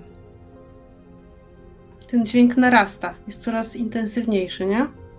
Alex, co on ci powiedział? Nic. Ja muszę chyba znaleźć źródło tego, tej melodii, wiesz? Ale nie zostawisz mnie, nie? Pójdziesz ze mną? Ale nie- pójdę, tylko nie zostawiaj mnie, bo. Nie Ja już, już nie wiem, gdzie my jesteśmy. Nie zostawię cię. I idę w, w kierunku, w którym wydaje mi się, że. Ale ja nie wiem, gdzie ja idę. Okej. A Artur idzie za Alex. okej. Ja wybiegam do Koksa i chcę dowiedzieć się, co się dzieje. Się pytam, Koks, do chuja, co tu się dzieje? Co się dzieje w środku? Co to za krzyki? Gdzie są wszyscy ludzie? Cox jest jakby w trochę innym świecie. Cały czas e, powtarza, że o, przywieźli to tutaj, To To- przywieźli. to, to z budowy, to, to co spadło z nieba. Co spadło z nieba? Bredzi, nie? W sensie cały czas Patrzę mówi na jakieś... telefon, klikam, czy coś spadło z nieba, nie? Patrz na newsy. No, masz informację tą, którą miałeś wcześniej, nie? O tym wypadku na budowie, w sensie o tym pożarze. Nie ma nic i tak dalej. Nic na razie więcej nie ma, no. Tylko, że jest mnóstwo newsów, wiecie, zawala cię nagle ściana RSS-ów na temat tego, co się wydarzyło w mieście, nie? Tutaj ktoś zaczął strzelać w klubie nocnym, tak? Tutaj e, na, e, w jakimś centrum e, handlowym, nie wiem, pojawiła się jakaś banda chuliganów, którzy popisali sprayem po wszystkim, nie? Tutaj wykoleił się pociąg, bo ktoś położył jakieś e, szyny takie e, dodatkowe, nie? Na torach, nie? Zalewa cię po prostu fala newsów, która mówi, że w tym mieście dzieje się jakaś apokalipsa, nie? To ja po prostu olewam Coxa, e, jak już nie mogę z niego wydobyć żadnej informacji więcej i postanawiam wrócić do środka, do budynku i znaleźć Alex oraz e, Artura. Mhm. Em, po prostu. Dobra. W tym czasie e, najpierw Alex, a za nią Artur. Skręcacie w korytarze, tak? Wyjście, w sensie wychodzicie z tej hali głównej ostrego dyżuru i skręcacie w te e, korytarze oddziałowe. I e, to jest taki bardzo długi korytarz, on się gdzieś tam rozwidla w niektórych miejscach, ale mniejsza z tym, nie? E, widzicie w odległości kilkunastu metrów ludzi. E, stoją jak słupy w różnych miejscach na korytarzu, niektórzy w jakichś pomieszczeniach, e, nawet y, ci, którzy wydają się, że byli pacjentami podłączonymi do różnych rurek, kroplówek, y, urządzeń itd. E, i prawdopodobnie leżeli na łóżkach przy ścianach, też stoją. Nie? Nawet jeżeli ktoś z nich ma otwarte złamanie, e, nawet jeżeli ktoś z nich ma 90 lat i widać, że ledwo się trzyma, cały drży i w ogóle, nie? E, macie wrażenie, że tak jak takie pionki na szachownicy, w różnych miejscach te, ci ludzie są rozstawieni i im idziecie, jakby, albo im patrzycie dalej, tym jest ich gęściej. I macie wrażenie, że niemal wiecie, wiecie przy czym oni stoją. Jest jedna sala, która jest taka, w której jest duże zagęszczenie tych ludzi. Oni tam stoją i czekają na coś, nie? I wszyscy śpiewają. Każdy z nich inny dźwięk, na innej wysokości, e, swoim głosem, niektórzy zachrypniętym, niektórzy drobnym dziecięcym, e, niektórzy bardzo śpiewnym, niemalże operowym. E, śpiewają ten swój jeden dźwięk. On coraz bardziej dudni w waszych uszach. Ja jestem tam też? Jestem tam też? To, myślę, że tak. To zależy od Aleksa i od e, Artura, jakby co zrobił, ale tak, zaraz się zsynchronizujemy, nie?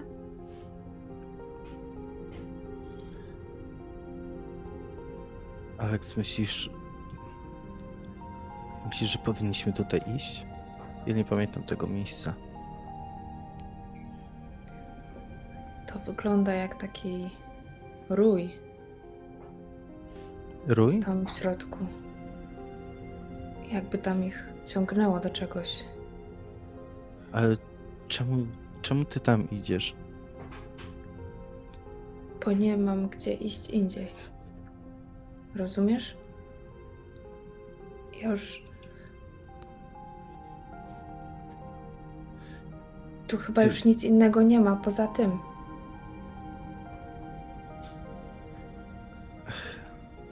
Wiesz co? Jeszcze przed chwilą pamiętałem, gdzie mieszkam, ale teraz to ja nie wiem. Nie mam żadnych wspomnień poza tym, co się wydarzyło, od kiedy tu przyjechaliśmy, Alex. Ja wiem, kim ty jesteś. Ja wiem, że tutaj przyjechaliśmy, wysiadłem z karetki. Spotkałaś mnie. I, I przyszliśmy tutaj, ale reszta wspomnień jest nieobecna. Ja. U mnie wykryto demencję, ale. Ale ona, ona nie powinna być aż tak mocna. To, to, to, to nie powinno się wydarzyć. Alex, Alex, to nie powinno się wydarzyć.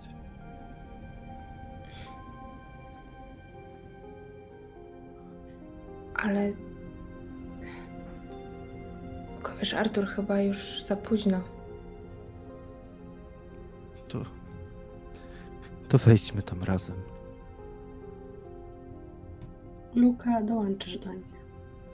Alex, y, Artur, co tu się odpierdala? Powiedzcie mi. Możecie mi powiedzieć, wyjaśnić cokolwiek?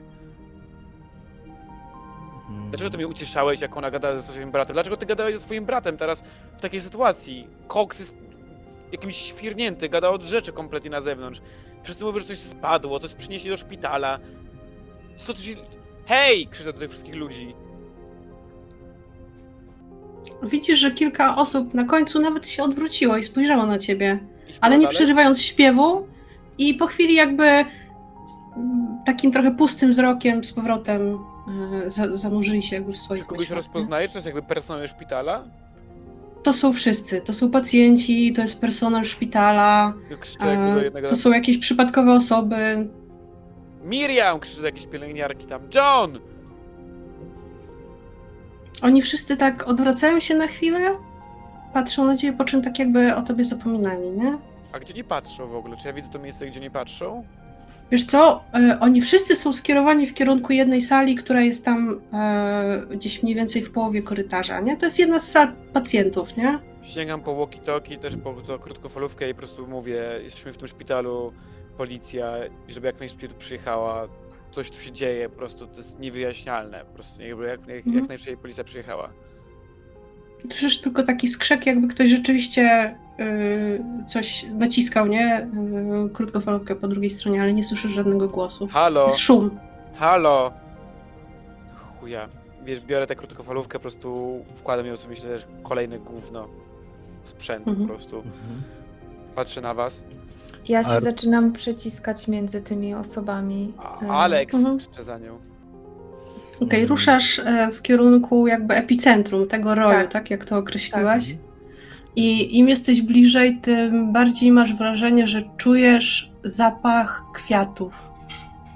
Na początku wydaje ci się, że to jakaś taka zmora, nie? Halucynacja, ale potem robi się tak intensywny, tak jak takie, wiecie, lilie pachnące wieczorem nad jeziorem, nie? One tak bardzo intensywnie pachną. E, przy, przechodzisz między osobami, potem przyciskasz się między nimi. W końcu stajesz w drzwiach. Co w tym momencie robi Artur i Luka?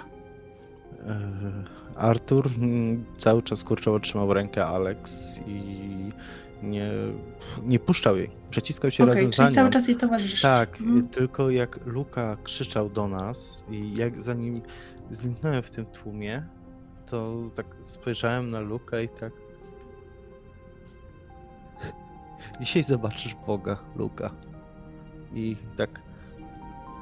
I znikasz się w nie- drzwiach razem i, z I znikał. e, Alex. Tak. Luka? Ja zostaję na zewnątrz. I krzyczę... Alex? Artur! Patrzę na całą resztę tych osób i myślę, kurwa, co, co tu się w ogóle dzieje? Wyciągam telefon i patrzę, mam zasięg. Tak, Dzwonię do dziewczyny. masz zasięg. Jak ma na imię?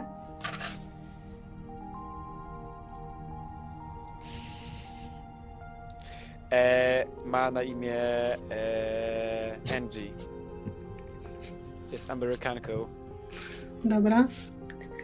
E, pierwszy sygnał, drugi sygnał, trzeci sygnał. Luka! E, próbowałam się do ciebie dodzwonić tyle razy. No, akurat nie widziałem tego, ale spoko. Ej, jesteś w domu? No tak, no twój tata tu jest. Wracaj, czekamy na ciebie z obiadem. Z kolacją, Słucham? przepraszam. No czekamy na ciebie, próbowałam do ciebie dzwonić. No Jaki miałeś być tata? o 19. Trzecia w nocy. Jaką kolacją? Co ty Przecież nie opowiadasz, od pół głuptasie? roku. Co ty opowiadasz, głuptasie? No, nie rób sobie żartów. Wiem, że jesteś, e, że lubisz sobie takie czarne e, żarty porobić i czarny humor, ale Wiesz, czekamy mnie na ciebie. nie Przecież byłeś z ojcem umówiony, że do nas przyjedzie, że zjemy razem kolację. Gdzie ty jesteś? No w domu, a gdzie mam być? W czyim domu? No w naszym. W Luka, no już nie rób sobie jaj. Człowieku. Wiesz co, Słuchaj, najpierw się umawiamy, ja bardzo się staram, przygotowuję dobra, wszystko, robię zakupy i tak dalej, a ty sobie cię, pojechałeś na swój dyżur i cię, jesteś zadowolony. Błagam cię, skończ te żarty, bo mnie w chuj nie bawią, naprawdę. Możesz mi powiedzieć, co się dzieje? Wiesz co, Luka, pogadamy jak przyjedziesz, bo ja nie będę z tobą rozmawiała w ten sposób. I ty, ty, ty. Rozumiem wcześniej, nie? dzwonię drugi raz. Nie odbieram. Alex i Artur. Pomieszczenie jest no, wypełnione ludźmi. Znacznie gęściej niż korytarz. A wszyscy oni stoją i wpatrują się w jeden konkretny punkt.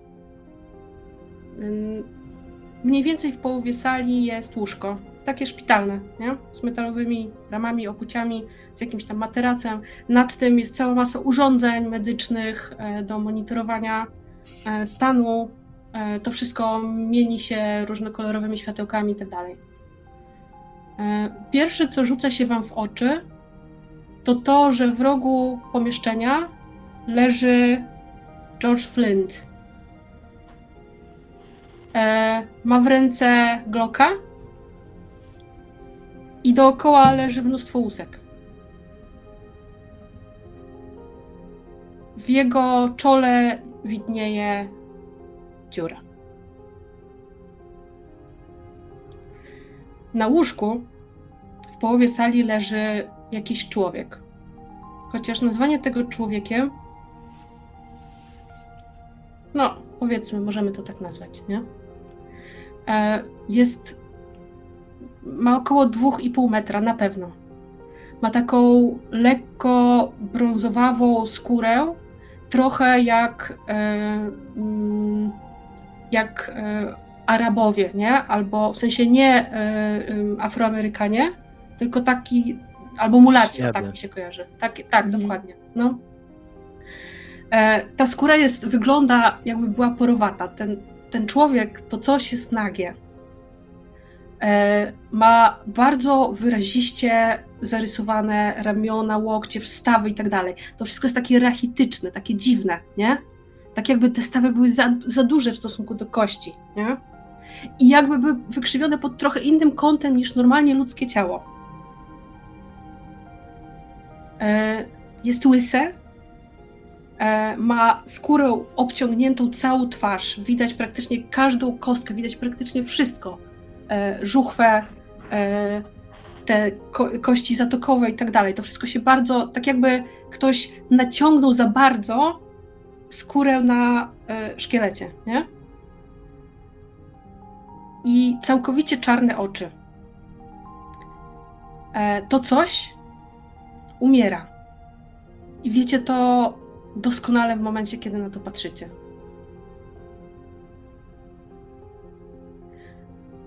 Alex w tym powykręcanym, e, opiętym skórą ciele widzisz jakiś flashback ciała twojego brata.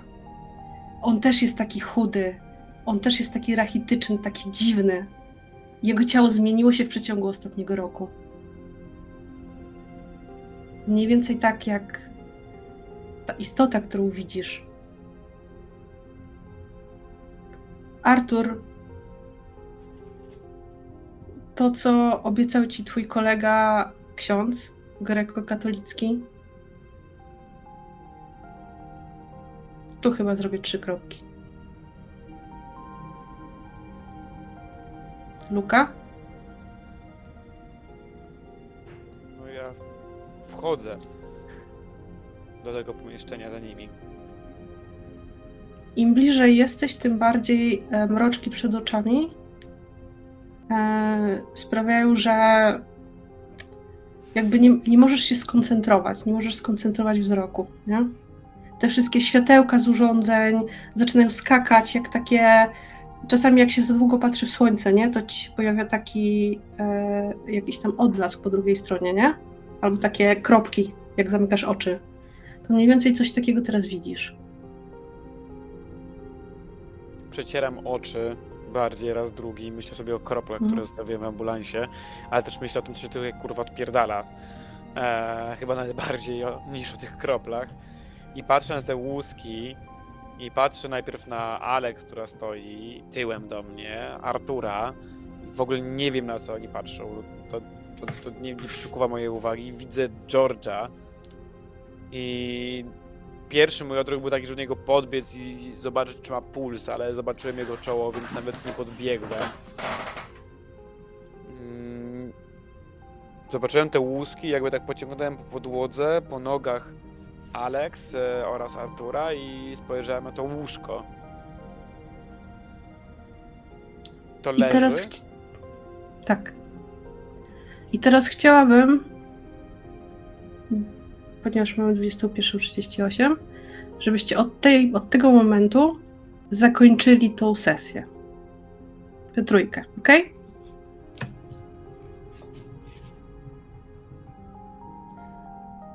Alex y, odwraca się do ciebie, Arturze, na chwilę i mówi: Artur, ty musisz iść do Luki. Idź, Gdzie? idź do Luki, tam, tam stoi. Widzisz? Ja tu jestem i was słyszę, mówię. Y, to to w, w, weź Artura, bo ja, ja muszę iść do swojego brata. Wezmę ciebie i Artura i pierdalamy stąd jak najszybciej. Zaraz tu będą, Nie, będzie ja- policja. Nie, nie. Y, I zostawiam was, odwracam się y, w kierunku łóżka, na którym leży Chris, mój brat. Robię parę kroków i łapię cię za ramię. Alex. To nie są... To, Puść mnie. mam jakieś halucynacje i chodźmy stąd jak najszybciej. Nie mam pojęcia co to jest. Ale to nie jest twój brat. Puść mnie, proszę cię, puść mnie. Artur, weź ją. Artur tak patrzył na to, posłuchał tego, co mu powiedziała Alex. Zaczął po prostu chwytać się za głowę, tam przeczesywać włosy palcami. I tak chodzić w kółko i mówić: Nie, nie, nie, nie, nie. Luka, Alekson nie mógł mieć racji. To, to, to, to nie może być nasz Bóg. To Bóg nie istnieje. A ja, a ja wam udowodnię, że to się w ogóle nie dzieje. Że po prostu tu jesteśmy w koszmarze, który się, który się nie zakończył. Że, że ja nie wstałem. Ja, ja jestem przemęczony. Ja nie wstałem. A wy, a wy i to coś jest częścią mojego koszmaru. I ja się obudzę. Wiecie co zrobię, kurwa? Wezmę sobie wolne. Wezmę sobie wolne i dokończę, kurwa, swój Artur, serial. Obudzisz się jak wyjdziesz stąd. Nie, Chodź. nie, nie, nie, nie, nie, nie. Wiecie co zawsze Albo stąd pójdziesz o własnych siłach, albo Nie, ci i- przy, i- przyjebie i cię zaciągnę stąd. Jesteś tylko, jesteś tylko ty i ty i to, i to coś na stole. Podchodzę do ciebie, puszczam Alex. Jesteście tylko Łapię cię. moją wyobraźnią. Artur! Możesz się opanować? ale, ale jestem spokojny, to wy się opanujcie, bo wy, wy jesteście częścią tego, a, a, a ja tu jestem panem. Nie to coś na ziemi, nie to coś na stole, nie to Łapię coś cię za rękę, Ja- Alex i wychodzę ja- stamtąd. Ja tu, ja tu Nie, jestem ale panem. już nie ma tam, gdzie stała. Alex jest y, przy łóżku swojego brata. Lekko przesuwa pościel i kładzie się i przytula się do niego. Już, Chris. Pójdziemy spać. Próbuję cię odciągnąć Artur z tego pokoju. Nie, daruj sobie. Patrz, patrz, ja- ci udowodnię, ja ci udowodnię, że to jest sen, okej? Okej? Zresztą dlaczego ja mam ci cokolwiek udowodniać? Przecież to jest, Dobra, to jest sen. polewam jest cię, sen, podchodzę do, do, do łóżka, próbuję jeszcze raz, drugi, trzeci odciągnąć Alex siłą, ale widzę, że to na nic. Nie będę się z nimi siłował, z tą dwójką, no nie jestem aż takim bykiem. Więc po prostu odwracam się i sięgam po telefon i wychodzę stąd. Dzwonię na policję telefonem. Przyciskam się pomiędzy tymi ludźmi, którzy są zgromadzeni przed wejściem do tej sali i dzwonię na policję.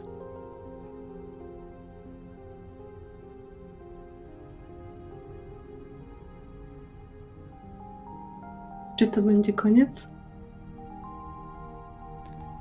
Ja jeszcze chciałem jedną rzecz zrobić, ale to pytanie, czy to będzie koniec y, dla Alex i Artura.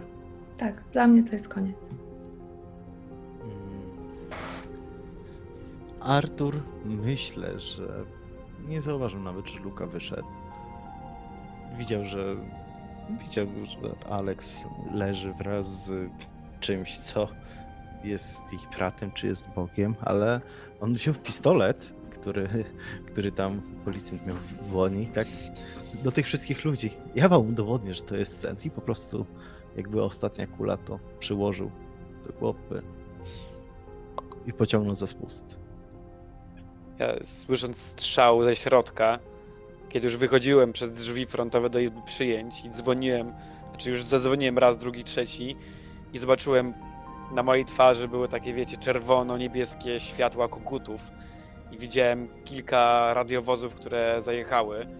Wszystkie stały. Idę w tamtą stronę i widzę, jak przy, radiowoz- przy radiowozach stoją funkcjonariusze, którzy stoją jak wryci. I zaczynam krzyczeć tu do Koksa, do tych funkcjonariuszy, ale wszyscy stoją.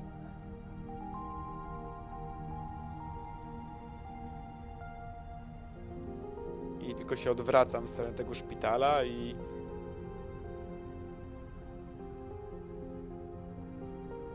Upuszczam ten telefon, tak... Upadam trochę na kolana, Chcę wstać, ale coś mnie ewidentnie ciągnie w dół.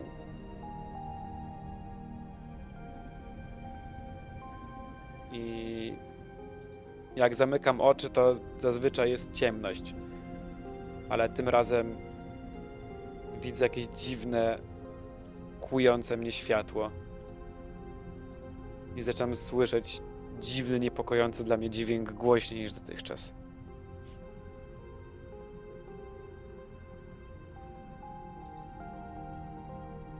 Tyle pamiętam.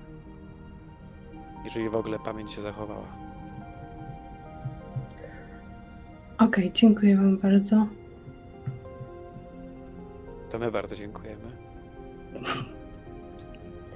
Wielkie dzięki. To była dobra scena finałowa. Proszę. Gratuluję, naprawdę. Nie, to my bardzo. To ty nas podpuściłaś do tego, wiesz? To jest po prostu pokłosie twojego podpuszczania nas przez całą sesję. Przepraszam, ale to było niesamowite. Naprawdę z perspektywy widza, bo ostatnie 20 minut spędziłam z perspektywy widza, to było po prostu szapoba, naprawdę ludzie, grajmy więcej. Ależ, ależ proszę. Jak przeżyją nasze postacie, to spoko, nie? O, kampania? Proszę bardzo. Dobra, słuchajcie. Mm, Z tego co widzę, mamy jeszcze jakichś widzów, którzy dotrwali do tej minuty. A ile jest osób? Jestem ciekaw. Y, 14 osób. O, kurczę. Fajnie. Dziękujemy Wam bardzo. E, dziękuję przede wszystkim Wam za sesję. Za chwilę. Mam, mam nadzieję, że jeszcze będziemy mogli na ofie pogadać na ten temat chwilę. Jest. Ale żeby nie przetrzymywać e, widzów e, i żeby już móc, wiecie, tak e, zdjąć makijaż i w ogóle i odkleić wąsy, to może pożegnamy się ze, ze słuchaczami. Dzięki kochani za to, że wysłuchaliście naszej sesji. Ona była, tak jak mówię, dosyć eksperymentalna i była taką interaktywną, ws- wspólnie tworzoną opowieścią bardziej niż, niż taką klasyczną sesją, nie? gdzie jest klasycznie pojmowana rola mistrza gry i gracza. E, ale potrzebowałam takiego eksperymentu, chciałam zobaczyć, jak te niektóre techniki się sprawdzą. Jestem nawet zadowolona. Mhm. Przepraszam, że się bardziej nie postaraliśmy. No co wy? Zrobiliście naprawdę ogromne show, więc nie mam wątpliwości co do tego, że, e, że e, postaraliście się na maksa. I to od samego początku. Tutaj chciałam jeszcze widzom powiedzieć, że ta trójka graczy od samego początku była bardzo zaangażowana, nawet jak omawialiśmy jakieś rzeczy wcześniej przed sesją, jak tworzyliśmy postaci i tak dalej. Dlatego warto z nimi wszystkimi grać, siadać z nimi do stołu. E, jak E, najbardziej, Ta bo... mistrzyni gry była bardzo zaangażowana, warto o niej grać. Jak będziecie mieć okazję, to. I bardzo, bardzo wspierająca we wszystkim, Tak. naprawdę. Naprawdę super. Asiu, bardzo dziękuję. Mhm. Czułem się bardzo bezpiecznie na sesji i przed sesją i wiedziałem, że wszystko będzie ogarnięte i nie będzie niczego, co, co mnie jakoś zaniepokoi i będzie straszne. To jest czat. Mnie, mnie jedyne co zaniepokoiło to problemy techniczne zaraz przed startem streama. Ale Proszę cię, ja prawie z zawału dostałam. Już, już Jak byłam zawsze. pewna, że to się nie odbędzie, nie? Zwłaszcza, że słuchajcie, to jest mój pierwszy w ogóle taki stream, kiedy ja robię streama, w sensie technicznie ogarniam i e, naprawdę się na tym nie znam i byłam bardzo zagubiona w tych problemach technicznych. One mnie bardzo wyprowadziły z równowa- równowagi na początku i byłam bardzo zdenerwowana przez to, nie? Więc może na początku sesji to tak średnio, może to było widać po prostu, ale nie wiem. Dobra, e, dziękujemy pięknie wszystkim naszym widzom. E, I e, zapraszamy może na kolejne akcje związane ze strefą dreszczy, e, z wieczorem RPG, z graj kolektywem, ze skrajnie poczytalnym, z, z grami Freitaga, no i oczywiście też z dziwnym miastem. E, do zobaczyska. Dziękujemy. cześć, cześć.